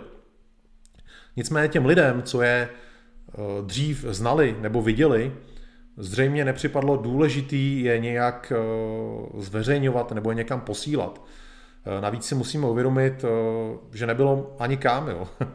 Vlastně to muzeum vlastenecký vzniklo až v roce 1818 a žili jsme v podstatě v Rakousku, později Rakousku-Uhersku, eh, v německy mluvící říši, eh, která úplně eh, vlastence nepodporovala. Vzpomeňte si třeba i na dobu temna, kdy se pronásledovali lidi, kteří uchovávali starý český, starý český spisy, většinou teda nábožensky orientovaný, ať už husický nebo protestantský ale v podstatě i český díla, takže eh, to, že se v podstatě neobjevili předtím, si myslím je tímhletím docela dobře vysvětlený. To, že se pak tyhle ty rukopisy objevily v relativně krátkém časovém sledu, se myslím nedokazuje vůbec nic, eh, protože určitě nešlo o, a nejde o jediný rukopisy, který, eh, který existují. Kolik se jich v té době ještě mohlo válet někde po kostelích nebo někde hradech nebo zámcích nebo někde v nějakých věžích. Eh, zůstaly neobjevený nebo nenávratně zmizely. Možná teď někde pořád jsou nějaký starý papíry, papíry, který uh, hold nikdo neskoumal. To, že se prostě tehdy, uh, kdy bylo, začalo být moderní, objevovat starý, nebo pátrat po starých, starých českých rukopisech, tak prostě pokud aktivně něco hledáte, tak něco najdete, že jo. Takže uh, to, že se našly jenom čtyři rukopisy, si myslím, a ne víc, eh, vůbec nic jako nedokazuje. Eh, a myslím si, že ten Zimmermann, ten člověk, co našel tu milostnou píseň krále Václava až v roce 1819, vlastně, eh, myslím si, že kdyby ji našel v roce 1815, ještě před objevením písně Vyšeradské a obou rukopisů, tak možná by se s tím taky ani nechlubil, protože nebyla vhodná doba. Ale najednou to začalo žít okolo těch rukopisů a on se s tím přihlásil, takže to je podle mě takové vysvětlení, eh, kde a proč se ty, ty rukopisy najednou eh, vzali. Eh, abych ještě schrnul to, co jsem teda o rukopisech říkal, jedná se teda o čtyři rukopisy, kdy každý ten rukopis napsal rozhodně někdo jiný. Není to dílo jednoho člověka, ať už mu říkáme padělatel nebo autor, jednoduše to nesepsal nikdo jiný. Každý tenhle ten rukopis pochází z jiné doby úplně. Rukopis Královodvorský a rukopis Zelenohorský jsou to autentické dokumenty, eh, nepadělaný, byl to dokázaný v obou případech eh, tou chemickou zkouškou. Naopak teda píseň Vyšeradská a milostná píseň krále Václava jsou opisy nebo přepisy, eh, tedy nový papíry, nicméně se starým obsahem, se staročeskýma básněma. Eh, tyhle ty všechny rukopisy, ať už jsou autentický nebo se jedná o přepisy, eh, jsou skutečný staročeský básně či písně a musí být definitivně zbavený té nálepky, že se jedná o padělky nebo nějaký smyšlený díla. Eh, český děti už se více než 120, možná 130 let učí o tom, že se jedná o padělek a měli by se učit o tom, že to žádný padělek není, že to, eh, že to v podstatě jsou eh, autentické věci, je to skutečná, skutečná česká poezie nebo skutečný český staročeský písně a ty rukopisy musí být znova právoplatnou součástí naší historie. I když máme dneska nový boje, nový výzvy, tak ty rukopisy jsou naše národní kořeny, ty příběhy jsou naše národní příběhy a pokud prostě přijmeme Eh, ty argumenty, ty tvrzení našich nepřátel, protože lidi, kteří bojovali proti rukopisům, byli naši nepřátelé, tak pokud přijmeme tu jejich argumentaci, tak prostě těch kořenů se zbavíme a to jednoduše není možný. Uh, možná se teď rozhoří zase nějaký krátký boj o rukopisy a uvidíte, že ty, co proti něm budou vystupovat, že je poznáte velice dobře. Budou to úplně ty stejní lidi, proti kterým stojíme ve všech ostatních bojích. Eh, ten boj byl dlouho zapomenutý, dlouho se ved na nízký úrovni, tak já bych byl rád, aby znova vypuknul, abyste se o ně začali zajímat. na základě těch mých argumentů, který jsem vám tady dneska přednes. Máte v chatu ten odkaz na tu českou rukopisnou společnost, která je plná informací, které potřebujete. Tenhle ten boj si myslím, že jsme už dávno vyhráli, jenom se o tom nemluví, protože to možná není dneska jako aktuální záležitost, ale rukopis královorský, rukopis zelenohorský nejsou padělky. Nejsou rozhodně padělky. No a eh, teď přichází čas na druhou část dnešního vyprávění a to je teda bavení se o obsahu rukopisů a něco si taky budeme číst. Tak já se napiju na to. Je důležitý teda si říct, že ten původní, původní texty rukopisů jsou pro nás eh, dneska nesrozumitelný. Jedná se o starou češtinu, staročeštinu, která se té moderní češtině podobá jenom velice vzdáleně. Eh, přečtu vám třeba eh, píseň Vyšehradskou, kdy už se jedná o novočeský přepis a pořád ještě to je dost, dost těžký čtivo. Takže tohle je píseň Vyšehradská, relativně krátká záležitost. Aha, ty náše slunce Vyšegrade, tvrď ty směle i hrdě na příkře, stojíš skále, stojíš na skále, stok je si všem cuzím postrach, pod tobou řeka bystrá valí se, valí se řeka Vltava jará, po kraju řeky Vltavy čistý stojí síla chrastia, po chládeček mil. Tu slavíček malý veselo pěje. Pěje i mutno, jako srdéčko radost. Žal jeho čuje. Kež já sjesm slavíček v zeleném luze.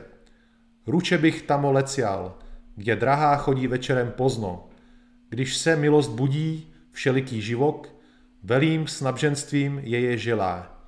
Já s nebožčí tužu po tobě lepá. Pomiluj chuda.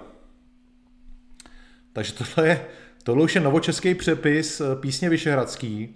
Ten originál je absolutně uh, pro nás nesrozumitelný. Už tenhle ten novočeský přepis zní spíš jako polština nebo nějaký slovenský nářečí. Uh, úplně češtinu v tom uh, neslyšet. Uh, vidíte teda, že se jedná o velice krátkou báseň, která uh, používá Vyšehrad jako takovou kulisu pro příběh zamilovaného mladíka, pokud jste byli schopní eh, to v tom, eh, v tom rozluštit, co jsem vám říkal. Eh, takže ty další ukázky z rukopisů budu používat v podstatě, dejme tomu překlad, nový překlad, kdy je to vlastně přeložený do moderní češtiny, aby jsme tomu vůbec rozuměli. Tak,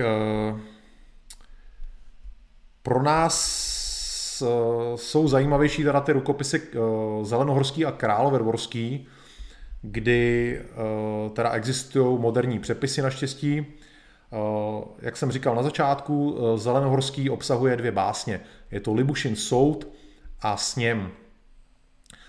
Libušin soud vypravuje o sporu dvou bratrů, Chrudoše a Šťáhlava, oba ze starého rodu, který měl podle básně přijít do naší země eh, už s Čechem. A oni se teď přou o dědictví po otci a soudit je bude Libuše eh, na Vyšehradě eh, před schromážděním moudrých soudců. A já vám tady přečtu začátek. Rozkázala kněžna poslům svolat Svatoslava od Libice bílé, tam, kde rostou doubraviny mladé. Lutobora z Dobroslavska chlumce, tam, kde Labez od Orlice pije. Ratibora od hor Krkonoší, tam, kde divokou San Trut když zabil. Saň Trut když zabil. Radovana z kamenného mostu, Jarožíra od Brd vodohojných, Střezibora od Sázavy sličné, Samoroda od Mše, od Mše stříbronosné, všechny kmety, lechy i vladyky, i chrudoše se šťáhlavem, bratry vedoucí spor o dědictví otců. Eh, připomínám, že tahle báseň má být z 10. století, ale tohle, co vám, to, co vám teď čtu, je ten vlastně překlad do moderní češtiny. Eh, ten příběh je vlastně o tom, že ten Chrudoš eh, si přál jako starší bratr dědictví pro sebe a Libuše podle starých slovanských obyčejů navrhovala, aby se ten majetek rozdělili společně mezi sebou. Ty soudci, který ona pozvala, tenhle její návrh potvrdili hlasováním a tím bylo rozhodnuto. A Chrudoš se rozhněval a to, co řekl, to jste už určitě slyšeli, aspoň část toho, co Chrudoš měl říct. Běda ptákům, k nímž se zmije vplíží, běda mužům, kterým žena vládne. Vládnout nad muži jen muži sluší. Prvorozený má právo dědit. Běda mužům, kterým žena vládne, to jste určitě uh, slyšeli. Pochází to teda z rukopisu Zelenohorského z Libušina soudu. A uh, vlastně to končí ten Libušin soud tím, že uh, Libuše to schromážení vyzvala, když byla takhle jako uražena, aby si našli muže sobě rovného, kterým bude vládnout, což vlastně se pak stal přemysl, kde vlastně tato báseň, ten Libušin soud, přichází v báseň Eh, sněm, eh, kde eh, se říká tohle. Ještě vám dočtu teda část toho sněmu, je to krátká část. Vstal Ratiboř od hor Krkonoší, jel se tato slova hovořiti. Hamba nám v cizině právo hledat. Máme právo po zákonu svatém, který přinesli otcové naši v tyto vlasti. Každý otec čeledi své vládne. Muži chrání, ženy k dílu hledí a umřeli hlava nad čeledí, všechny děti s božím spolu vládnou. Vladyku si z rodu vyvoli vše, jenž, když třeba, v slavné s nimi chodí. Chodí z kmety, lechy i z vladyky. Vstali kmeti, leši, vladykové a schválili právo po zákonu. Jenom tak postřeh uh, hanba nám v cizině právo hledati. Muži chrání, ženy k dílu hledí patriarchát. Eh, nic proti, samozřejmě. Takže tohle byla, eh, tohle byla ukázka teda z rukopisu eh, Zelenohorského, což by teda snad měl být nejstarší, nejstarší česká, česká báseň, česká píseň. Tak, pak je tady ten rukopis Královorský, v něm je 14 básní nebo písní, kdy teda sedm je kratších, jednodušších, sedm delších a historických. Eh, názvy těch sedmi kratších jsou eh, Kytice, Opuštěná, Růže, Žežulice, Skřivánek, Jahody a Jelen. Eh, já vám přečtu Skřivánka, je to kratší věc. Jinak, kdyby se vám zdálo, že mě trošku zrazuje hlas, tak se vám to nezdá, protože mě tyhle ty národní věci vždycky hrozně dojímají a, a pak se to prostě podepisuje na mém hlasu. Takže ačkoliv si tohle připravuju jako týden celý, tak eh, a už jsem to čet několikrát, tak mě to stejně vždycky znova prostě dojme a takže pak mi možná může trošku přeskakovat hlas. Je to autentické. Takže skřivánek. Pleje dívka konopí u panského sadu. Zeptá se jí skřivánek, jakou to má žalost. Z čeho bych se radovala, maličký skřivánku? Milého mi odvedli na kamenný hrádek. Kdybych pérko měla jen, napsala bych lístek. Ty, maličký skřivánku, ty bys tam s ním letěl. Není pérko, není blanka, abych psala lístek. Pozdravuj drahého písní, že zde horem, hořem hynu. Takže taková staročeská e, báseň. E, těch sedm dalších věcí e, vyjmenuju vám je, řeknu vám, o čem jsou.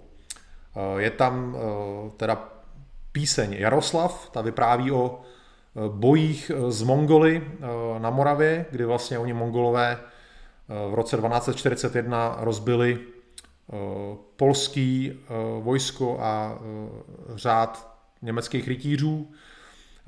Nicméně král Václav tam pochodoval, spěchal do Polska hodně s velkým vojskem a má se za to v podstatě, že se pak střetli eh, s částí těch Mongolů na Moravě. Takže o tom vypráví píseň Jaroslav, jak Mongolové dostali na Moravě na zadek.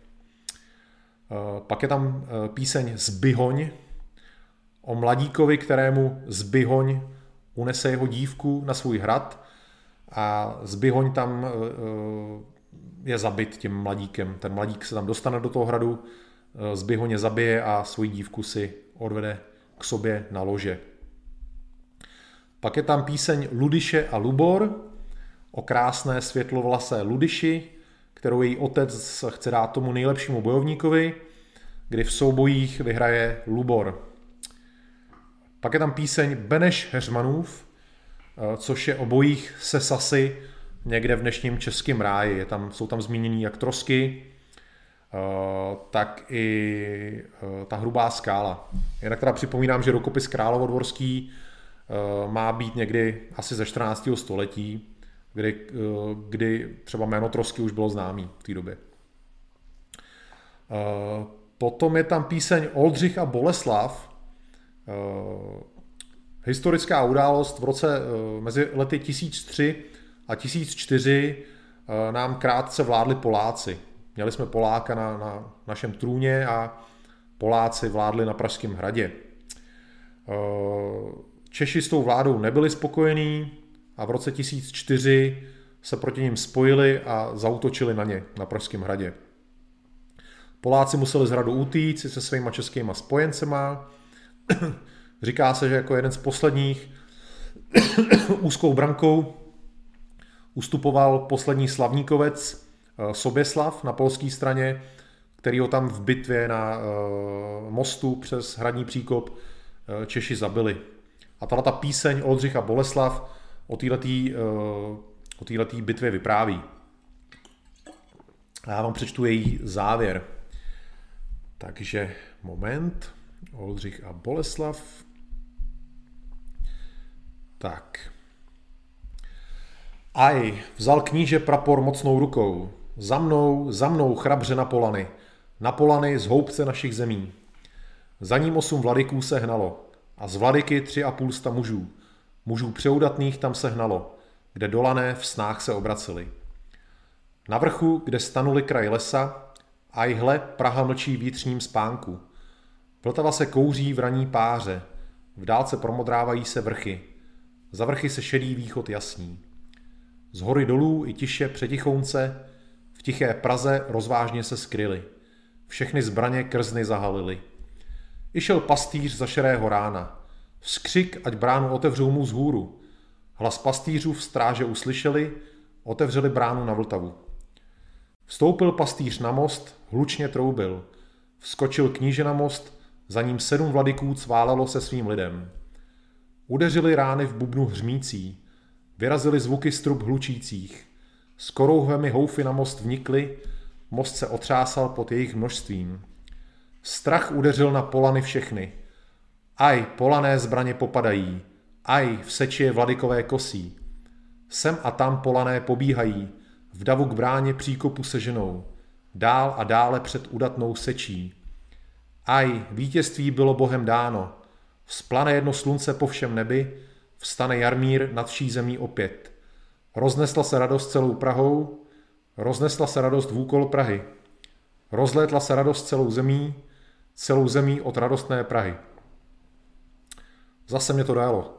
Oldřich a Boleslav, další krásná píseň historická. Eh, dále je tam Čestmír a Vlaslav píseň, což eh, je píseň z doby prvních legendárních eh, přemyslovců, z doby knížete Neklana. Je to z doby, kdy se vlastně přemyslovci a Češi, kmen Čechů, obývají střed Čech a vlastně snaží se svůj vliv rozšířit všude dál. Takže je to vlastně obojích, obojích Čechů a ostatních kmenů tady žijících. No a možná nejznámější eh, báseň nebo píseň v rukopisu Královédvorským je Slávoj a záboj, nebo Slavoj a záboj. Není úplně jasný, o jakém období tahle píseň vypráví, eh, protože se v ní mluví o době, kdy nám vládli cizinci, a, ale kdy Češi ještě byli pohani. Eh, my víme o roku 805, že sem na nás Germáni vtrhli ze tří stran, ale oni nás tehdy neokupovali, takže úplně, eh, protože některé zdroje zmiňují, že eh, Slavoj a Záboj mají zmiňovat rok 805, ale to se mi nezdá. Eh, mezi Sámovou říší nebo koncem Sámov, Sámovy říše v polovině 7. století a prvním prokázaným přemyslovcem Bořivojem uplynulo 200 let, kdy vlastně my moc nevíme, co se tady dělo.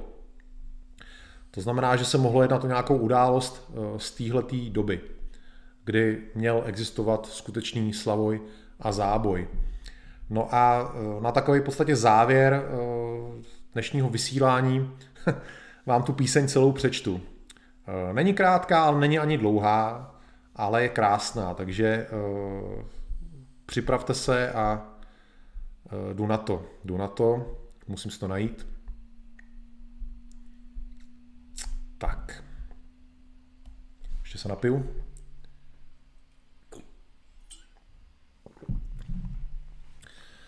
Záboj a slavoj. Ze tmy lesa vystupuje skála.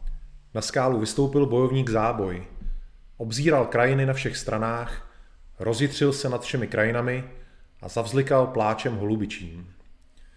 Seděl dlouho a dlouho se jitřil, až schopiv se, jako jelen, dolů lesem, lesem dlouho pustým, bystře pospíchal od muže k muži, od bojovníka k bojovníku po celém kraji. Krátce s každým skrytu pohovořil, poklonil se modlám a dál k jinému spěchal. I minul den první a minul den druhý a když po třetím dnu luna nocí plula, sešli se muži v černém lese. K ním promluviv záboj, odvedl je v úval, v prohloubený úval hlubokého lesa. Stanu v záboj nejhlouběji dole, uchopil varito zvučné.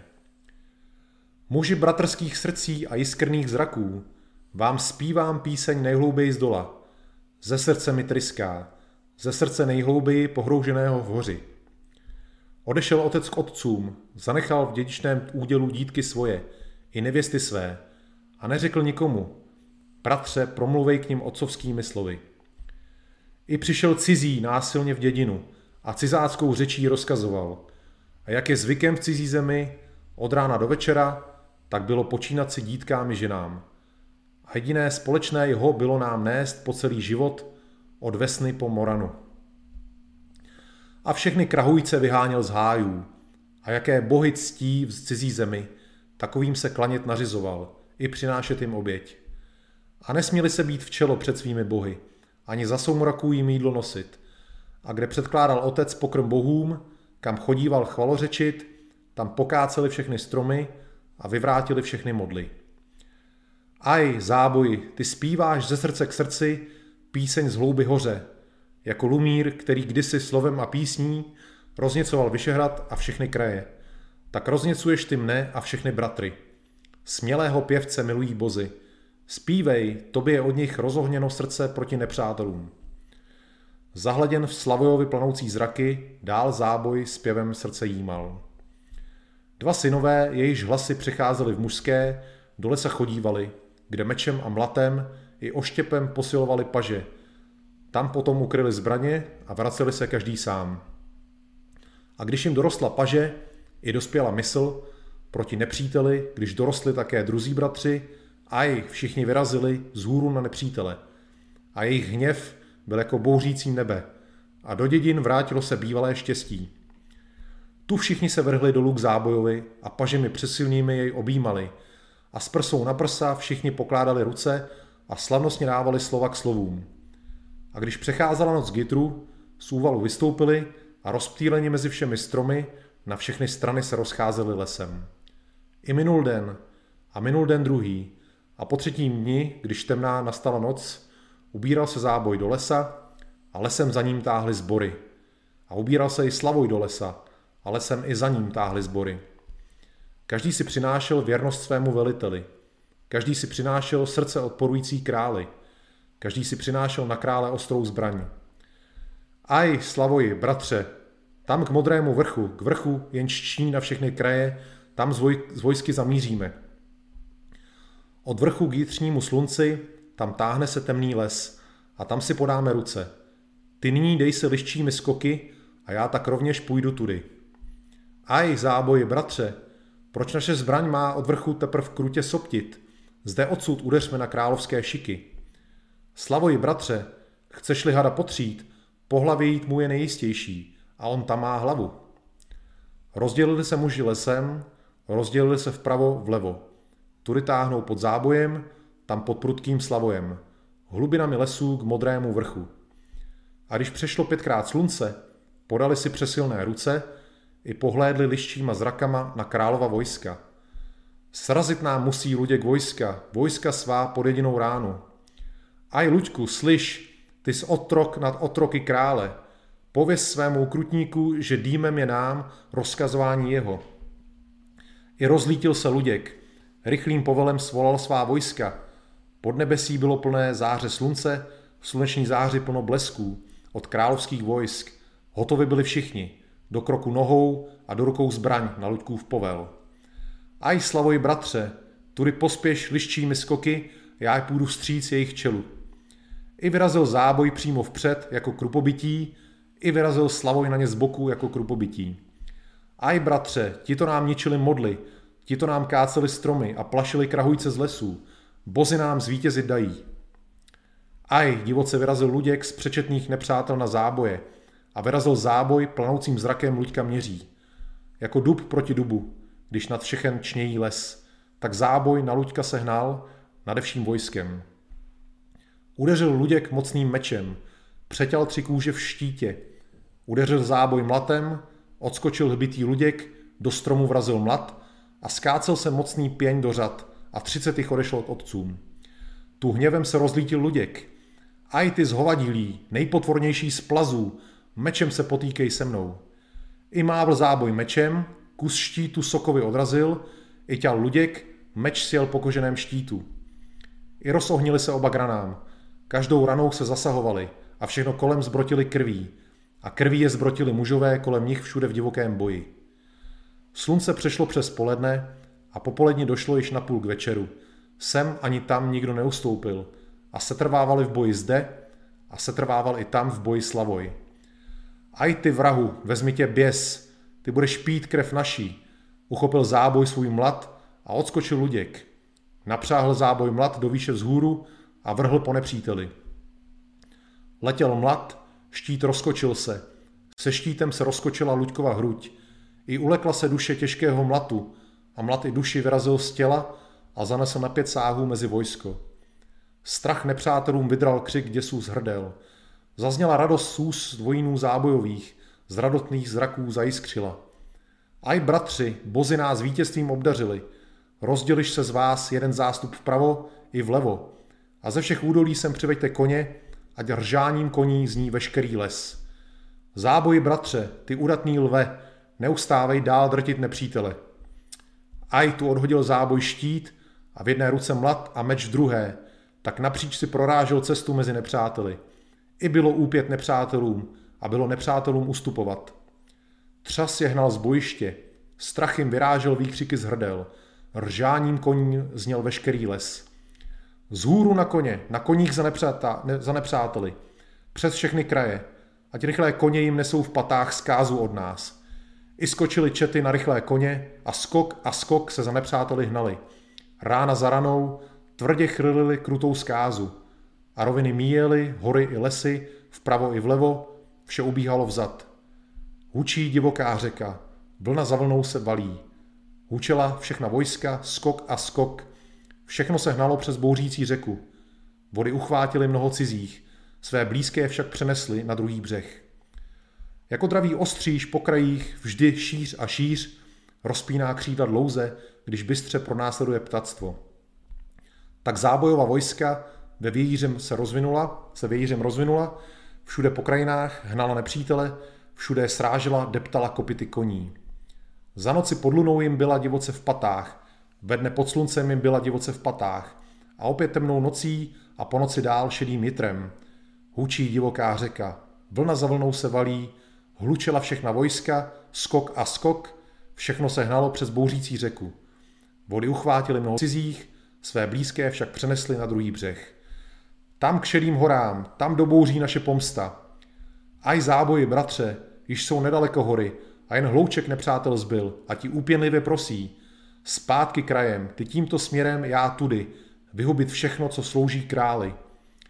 Vítr bouří po krajích, vojska bouří po krajích, vpravo vlevo, všude mocně a do široka, vojska v radostném harcování. Aj, bratře, aj šerý vrch, Tam bohové vítězství nám přisoudili. Tam je mnoho duší téká, po stromech sem a tam, a ptáci se jich bojí, i zvěř plachá, jen sovine. Tam k vrchu zamíříme, pochovat mrtvé a pokrm dát modlám, bohům zachráncům hojně obětí podat a chvalořečit jim vděčnými slovy, i složitým zbraně pobytých nepřátel. Tak to byla píseň Záboj a slavoj, přátelé.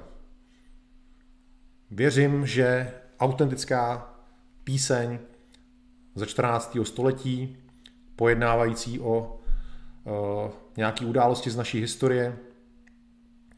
Uh, bylo by hrozně fajn, kdyby tyhle ty básně, tyhle ty písně jsme si znova začali číst uh, a zavrhli jsme veškerý ty tvrzení o padělcích a, a výmyslech, protože tyhle ty rukopisy, tyhle ty uh, písně a básně, které jsem vám dneska z nich trochu čet, jsem přesvědčený celým svým srdcem, vším, veškerou svou bytostí, že jsou to praví, uh, praví dokumenty, praví básně, ač přepsaný do moderní češtiny, uh, nestrácej, myslím, na své síle.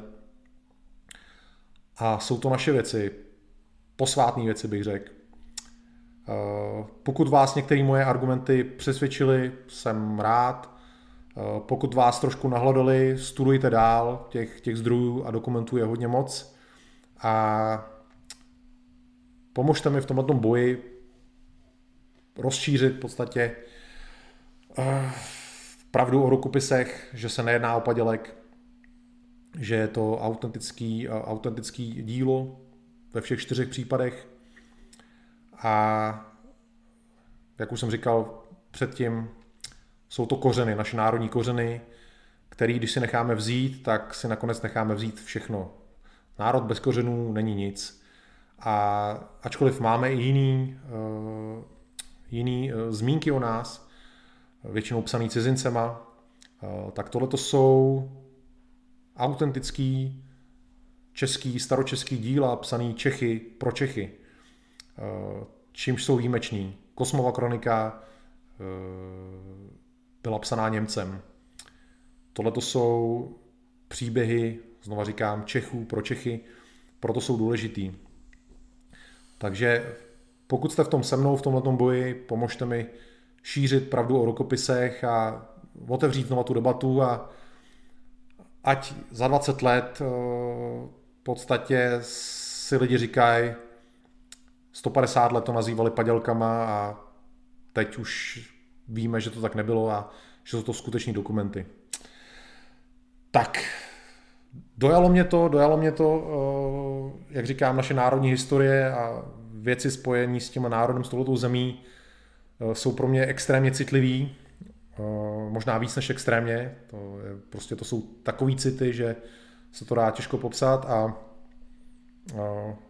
dnešní, dnešní vysílání tím bylo výjimečný, protože všechny ostatní jsem tak nějak popisoval, dejme tomu jako takový pozorovatel, ale u tohle mám pocit, že se to prostě týká bytostně mě, že mluvím o, o svých předcích, což těch ostatních vysíláních tomu tak nemuselo za každou cenu být, ale tady člověk prostě mluví o starý český zemi, o, o Praze, o starých hrdinech, co jsme tady měli a, a to je prostě osobní věc. Tak uh, už se asi na vás dopodívat do chatu a případně uh, řešit nějaké vaše dotazy. Je tady to hodně, takže uh, počkám si spíš na něco nového. Jinak děkuju za příspěvky Josefu Pospíchalovi a Montanu, Montanovi. Děkuji moc, přátelé. A pokud se teda eh, na něco chcete eh, ptát, tak, eh, tak se ptejte teď teda, prosím.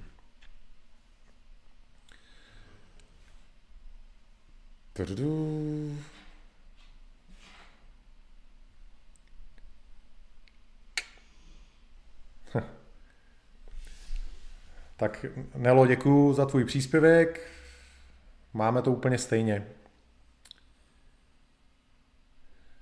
Martin se ptá, odkud mám tvrzení, že byl kosmas Němec. Uh, hele, to normálně si najdi, to je myslím známá věc. Kosmas byl Kosmas byl jako německý učenec, to je myslím celkem známá věc. Teď to jako nebudu hledat, to si, sám si seš asi na internetu předpokládám, tak si to vygoogli. Kosmas byl stoprocentně Němec. Uh,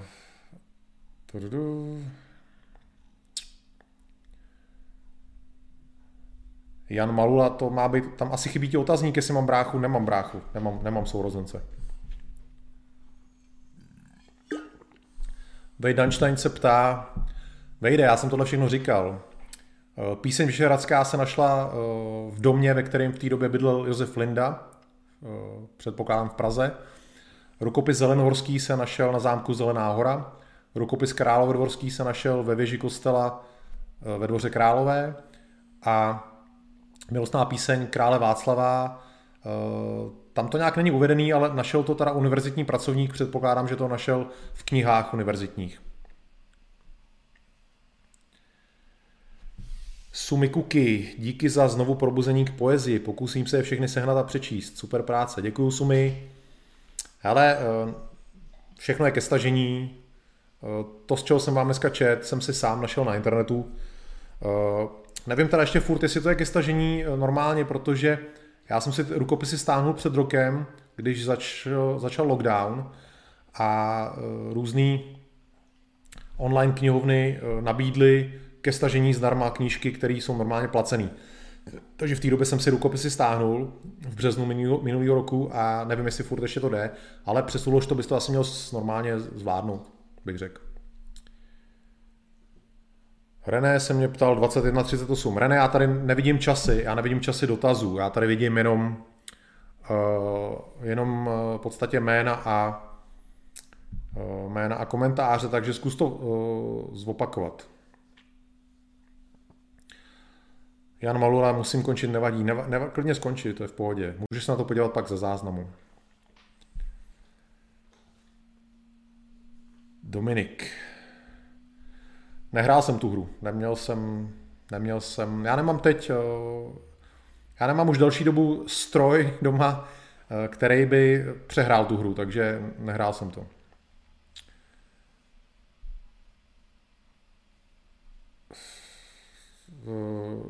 Eh, Daniela, nemám souro... no můj otec má sice dceru, ale ne s mojí mámou, takže to nevnímám jako, jako sourozence svýho.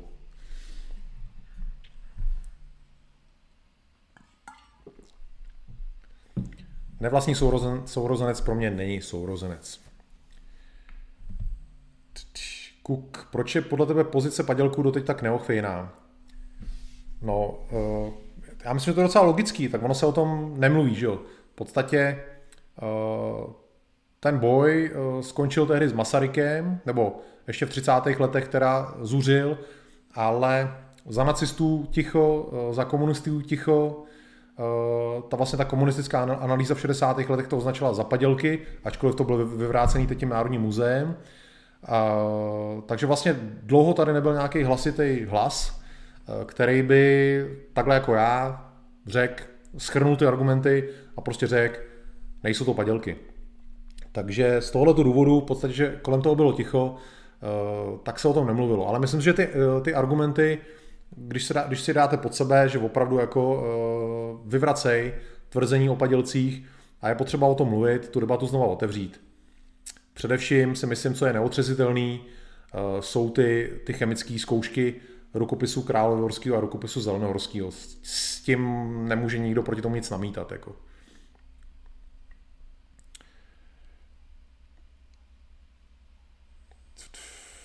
Pam, pam, pam.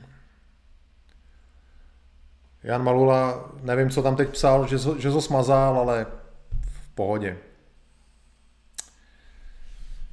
Tak, přátelé, čekám na vaše dotazy. Jinak, eh, pokud se třeba zeptáte na něco, co nebudu vědět, což je dost možný, protože, jak jsem říkal,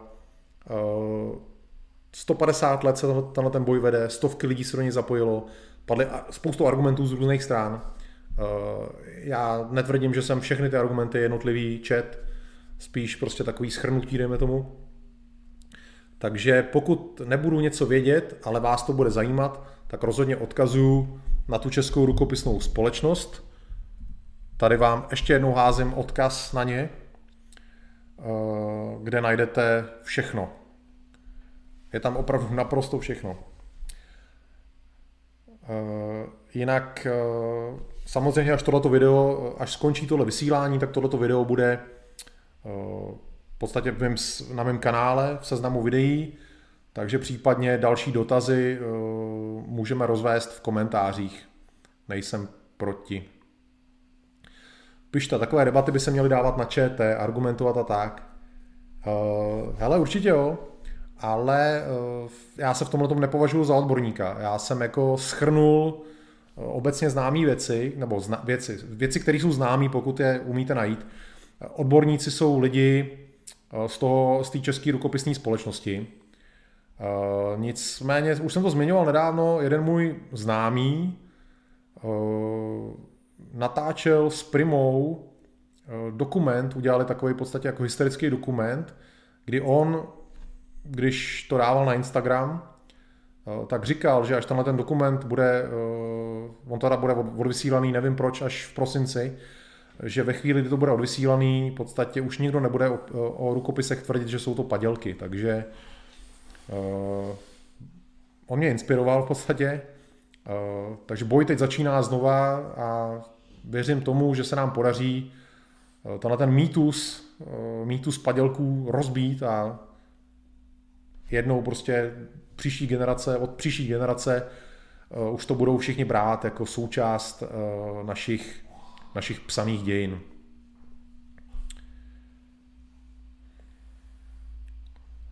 Martin, když ta nejnovější analýza mluví pro pravost rukopisů, proč se o tom moc nemluví? No hele, tak jako zase logicky, není to aktuální téma. Kdo, kdo by o tom měl jako mluvit, mi řekni. Zeman by o tom měl mluvit, nebo Babiš, kdo by o tom měl mluvit? Jako lidi, kteří o tom vědějí, ty o tom mluví. To, že jejich hlas jako není šířen všude, není úplně jejich chyba. Prostě není to samozřejmě dneska nějaký aktuální téma. To znamená, eh, člověk je schopný si ty informace najít, vidí. A bylo to snad i v reportérech. Reportéři ČT o tom vysílali. Eh, ale hold se to nešíří éterem, není to, není to prostě zajímavý téma pro, pro spoustu lidí. Pro třeba i hodně vlastenců je, je to něco starého, co už nemá význam dneska. A pak tady máme spoustu kosmopolitů, který samozřejmě nemají zájem eh, vytahovat nějaký český dějiny, protože oni se vidějí, budou, budoucnost vidějí evropskou. Takže z těch důvodů se o tom jednoduše nemluví, bych řekl. Hmm. A ještě dotaz, proč se nepo, nepokračuje v dalších expertízách. Eh, když se udělala tato poslední zkouška chemická, tak se mluvilo o tom, že teda uh, už ty rukopisy jsou poškozený, nebo že už by jim další zkouška asi uh, mohla ublížit, ale nicméně existuje nějaký typ zkoušky, který je relativně šetrný, který by právě zjistil stáří, což se zatím, zatím neudělalo. Eh, takže tahle ta zkouška poslední by to měla definitivně rozseknout a možná už se na tom dělá. Já jako tuhle informaci nemám, ale, ale zeptám se, zeptám se České rukopisní společnosti.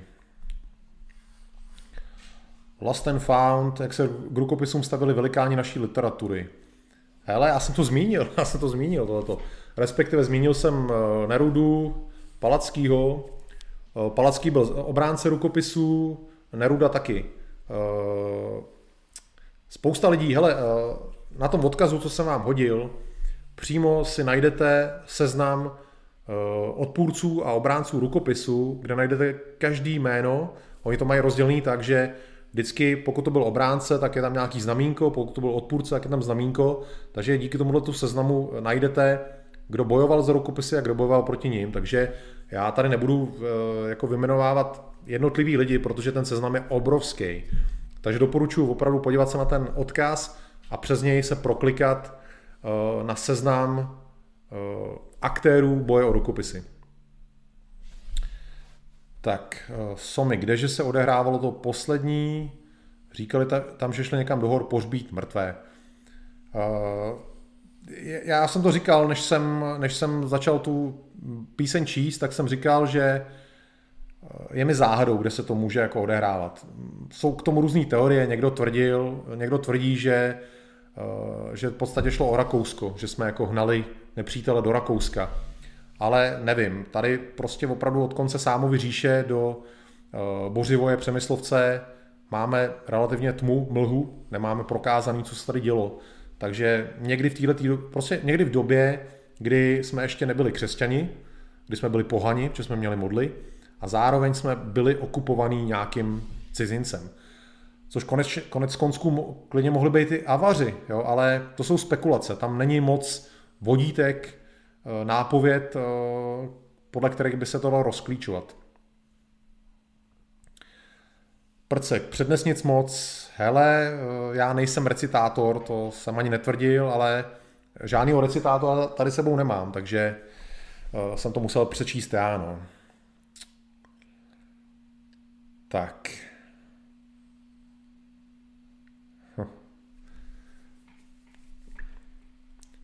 Cook for Cook, ono je taky možná trochu tím, že se nesmí sáhnout na Masaryka. Hele, uh, asi je to jedno s druhým. Já žádný zábrany sát na Masaryka nemám. Uh, rád proti němu vystoupím. Bylo by fajn, kdyby tato debata se znova rozhořela. Uh, aspoň prostě v určitých kruzích a šířila se dál, protože myslím, že vývoj toho boje a ty, ty závěry mluví, protože rukopisy padělky nejsou. Tak eh, a především my, jako mě hlavně zaráží, nebo patřil jsem taky k těm lidem, ale prostě je, je smutný, že lidi, kteří jsou vlastenci a nacionalisti, uh, jsou přesvědčení o tom, že rukopisy jsou padělky. To je uh, úplně skvělý vítězství našich nepřátel, kterým se prostě povedlo za ty dlouhé roky i nás vlastence přesvědčit o tom, že rukopisy, naše stará v podstatě eh, stará literatura eh, jsou padělky. To je, to je opravdu geniální jako úspěch jejich. Tohle musíme rozhodně prostě rozbít. Tak.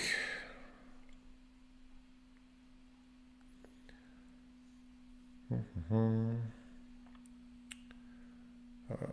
Já nevím, René, René, koho se ptáš, protože vím, že tady už s někým ved debatu, tak teď nevím, jestli na to mám odpovídat. Co tady píšeš o Dalimilově kronice? O Dalimilové kronice dneska nemluvíme, uh, mluvíme o rukopisech. Uh, kdo se nedíval od začátku tak a zajímá ho to, doporučuji se podívat od začátku, pustí si to celý, Eh, ty argumenty jsem tam vlastně vyjmenoval všechny.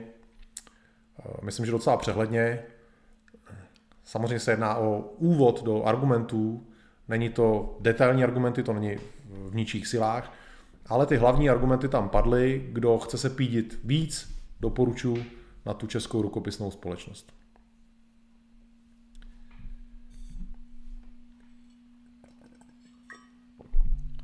Takže přátelé, má ještě někdo něco zásadního, nějaký zásadní dotaz? Pokud ne, tak bychom dnešní vysílání ukončili.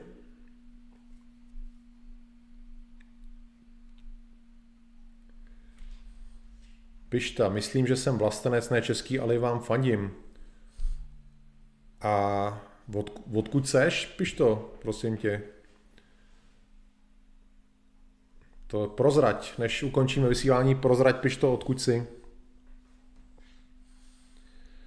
Martin Pitr, ještě k tomu Hankovi, on toho našel víc, například Alexandrejdu mastičkáře, ale to díla existovala, byla nalezena i v jiných opisech předtím i potom. Uh, hele, uh, on byl badatel, on prostě po těchto těch věcí, věcích pátral. Uh, on to nebylo, že by mu to spadlo na nos jako tři oříšky pro popelku.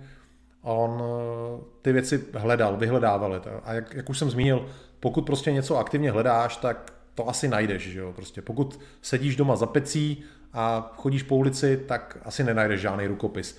Pokud jezdíš do kostelů, klášterů, hradů, věží eh, a hrabeš se v archívech, hrabeš se prostě v místech, kde by něco takového mohlo být, asi něco najdeš. Že jo? Takže to je důvod, proč něco našel.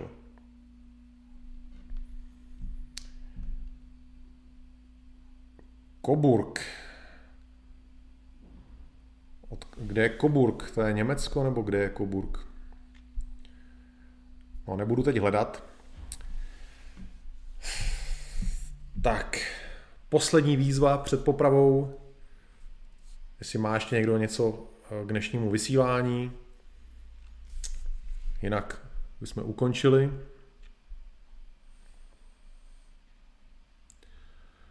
Dnešní účast je taková slabší, což je škoda, protože, jak říkám, vím, že máme dneska nový boje, nový výzvy, ale bez kořenů to nejsme my.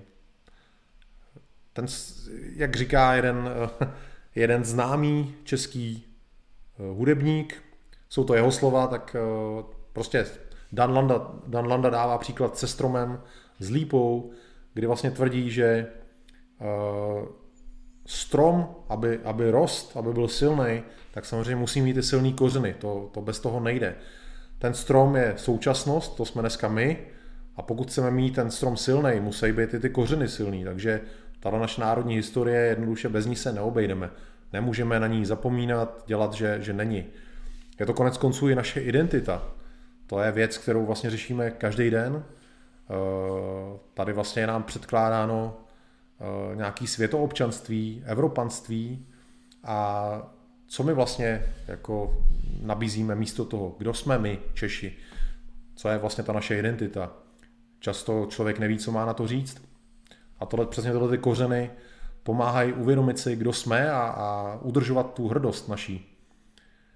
Eh, kdyby tyhle ty kořeny všechny zmizely, tak se velice snadno zařadíme do těch kosmopolitních řad, těch světoobčanů, protože nebude nic, na co bychom se odkazovali, ale pokud budeme mít tyhle ty silné kořeny, tu silnou historii, tyhle ty vzpomínky, eh, tak ty nás budou držet u těch našich tradic, u toho, co jsme a velice těžko nás budou moc prostě z toho vyrvat a udělat z nás nějakou širou masu. Proto jsou kořeny e, národní, hrozně důležitá věc a mrzí mě, že tady prostě dneska není tolik lidí, jak by si tohleto téma zasloužilo.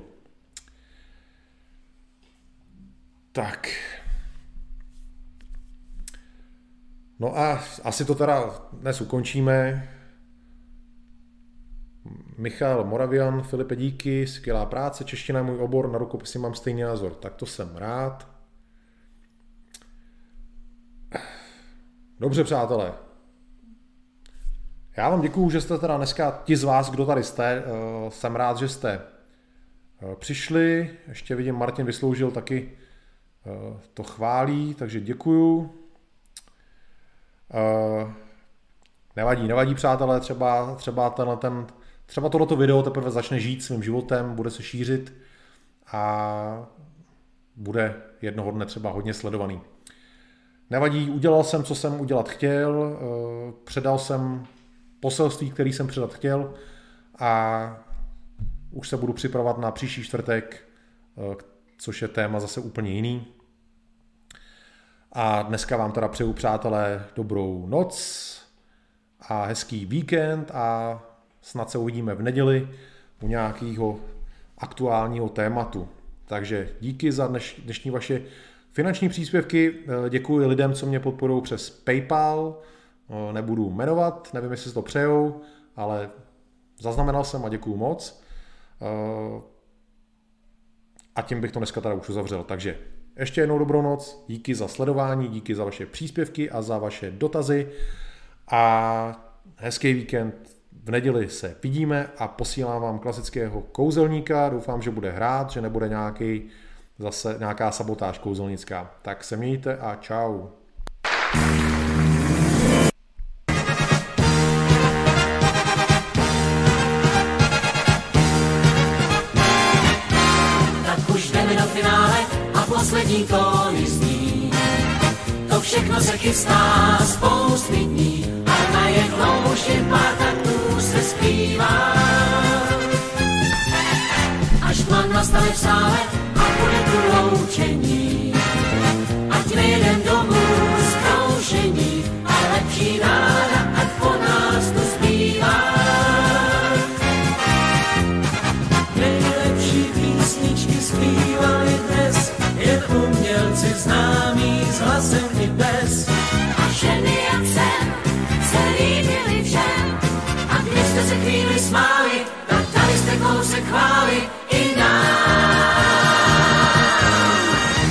Už jdeme do finále a za všechno vážně tím.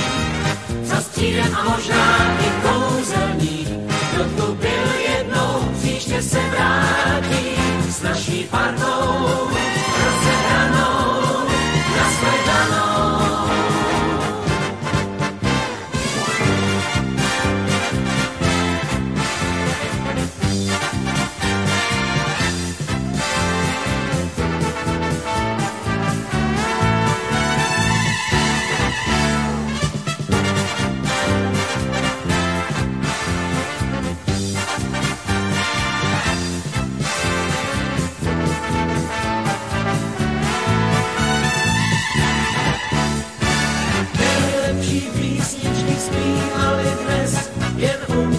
známí s hlasem i bez.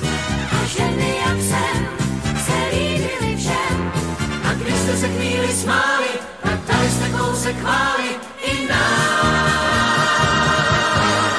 Tak my už jdeme do finále a za všechno vážně tým. Za střídem a možná i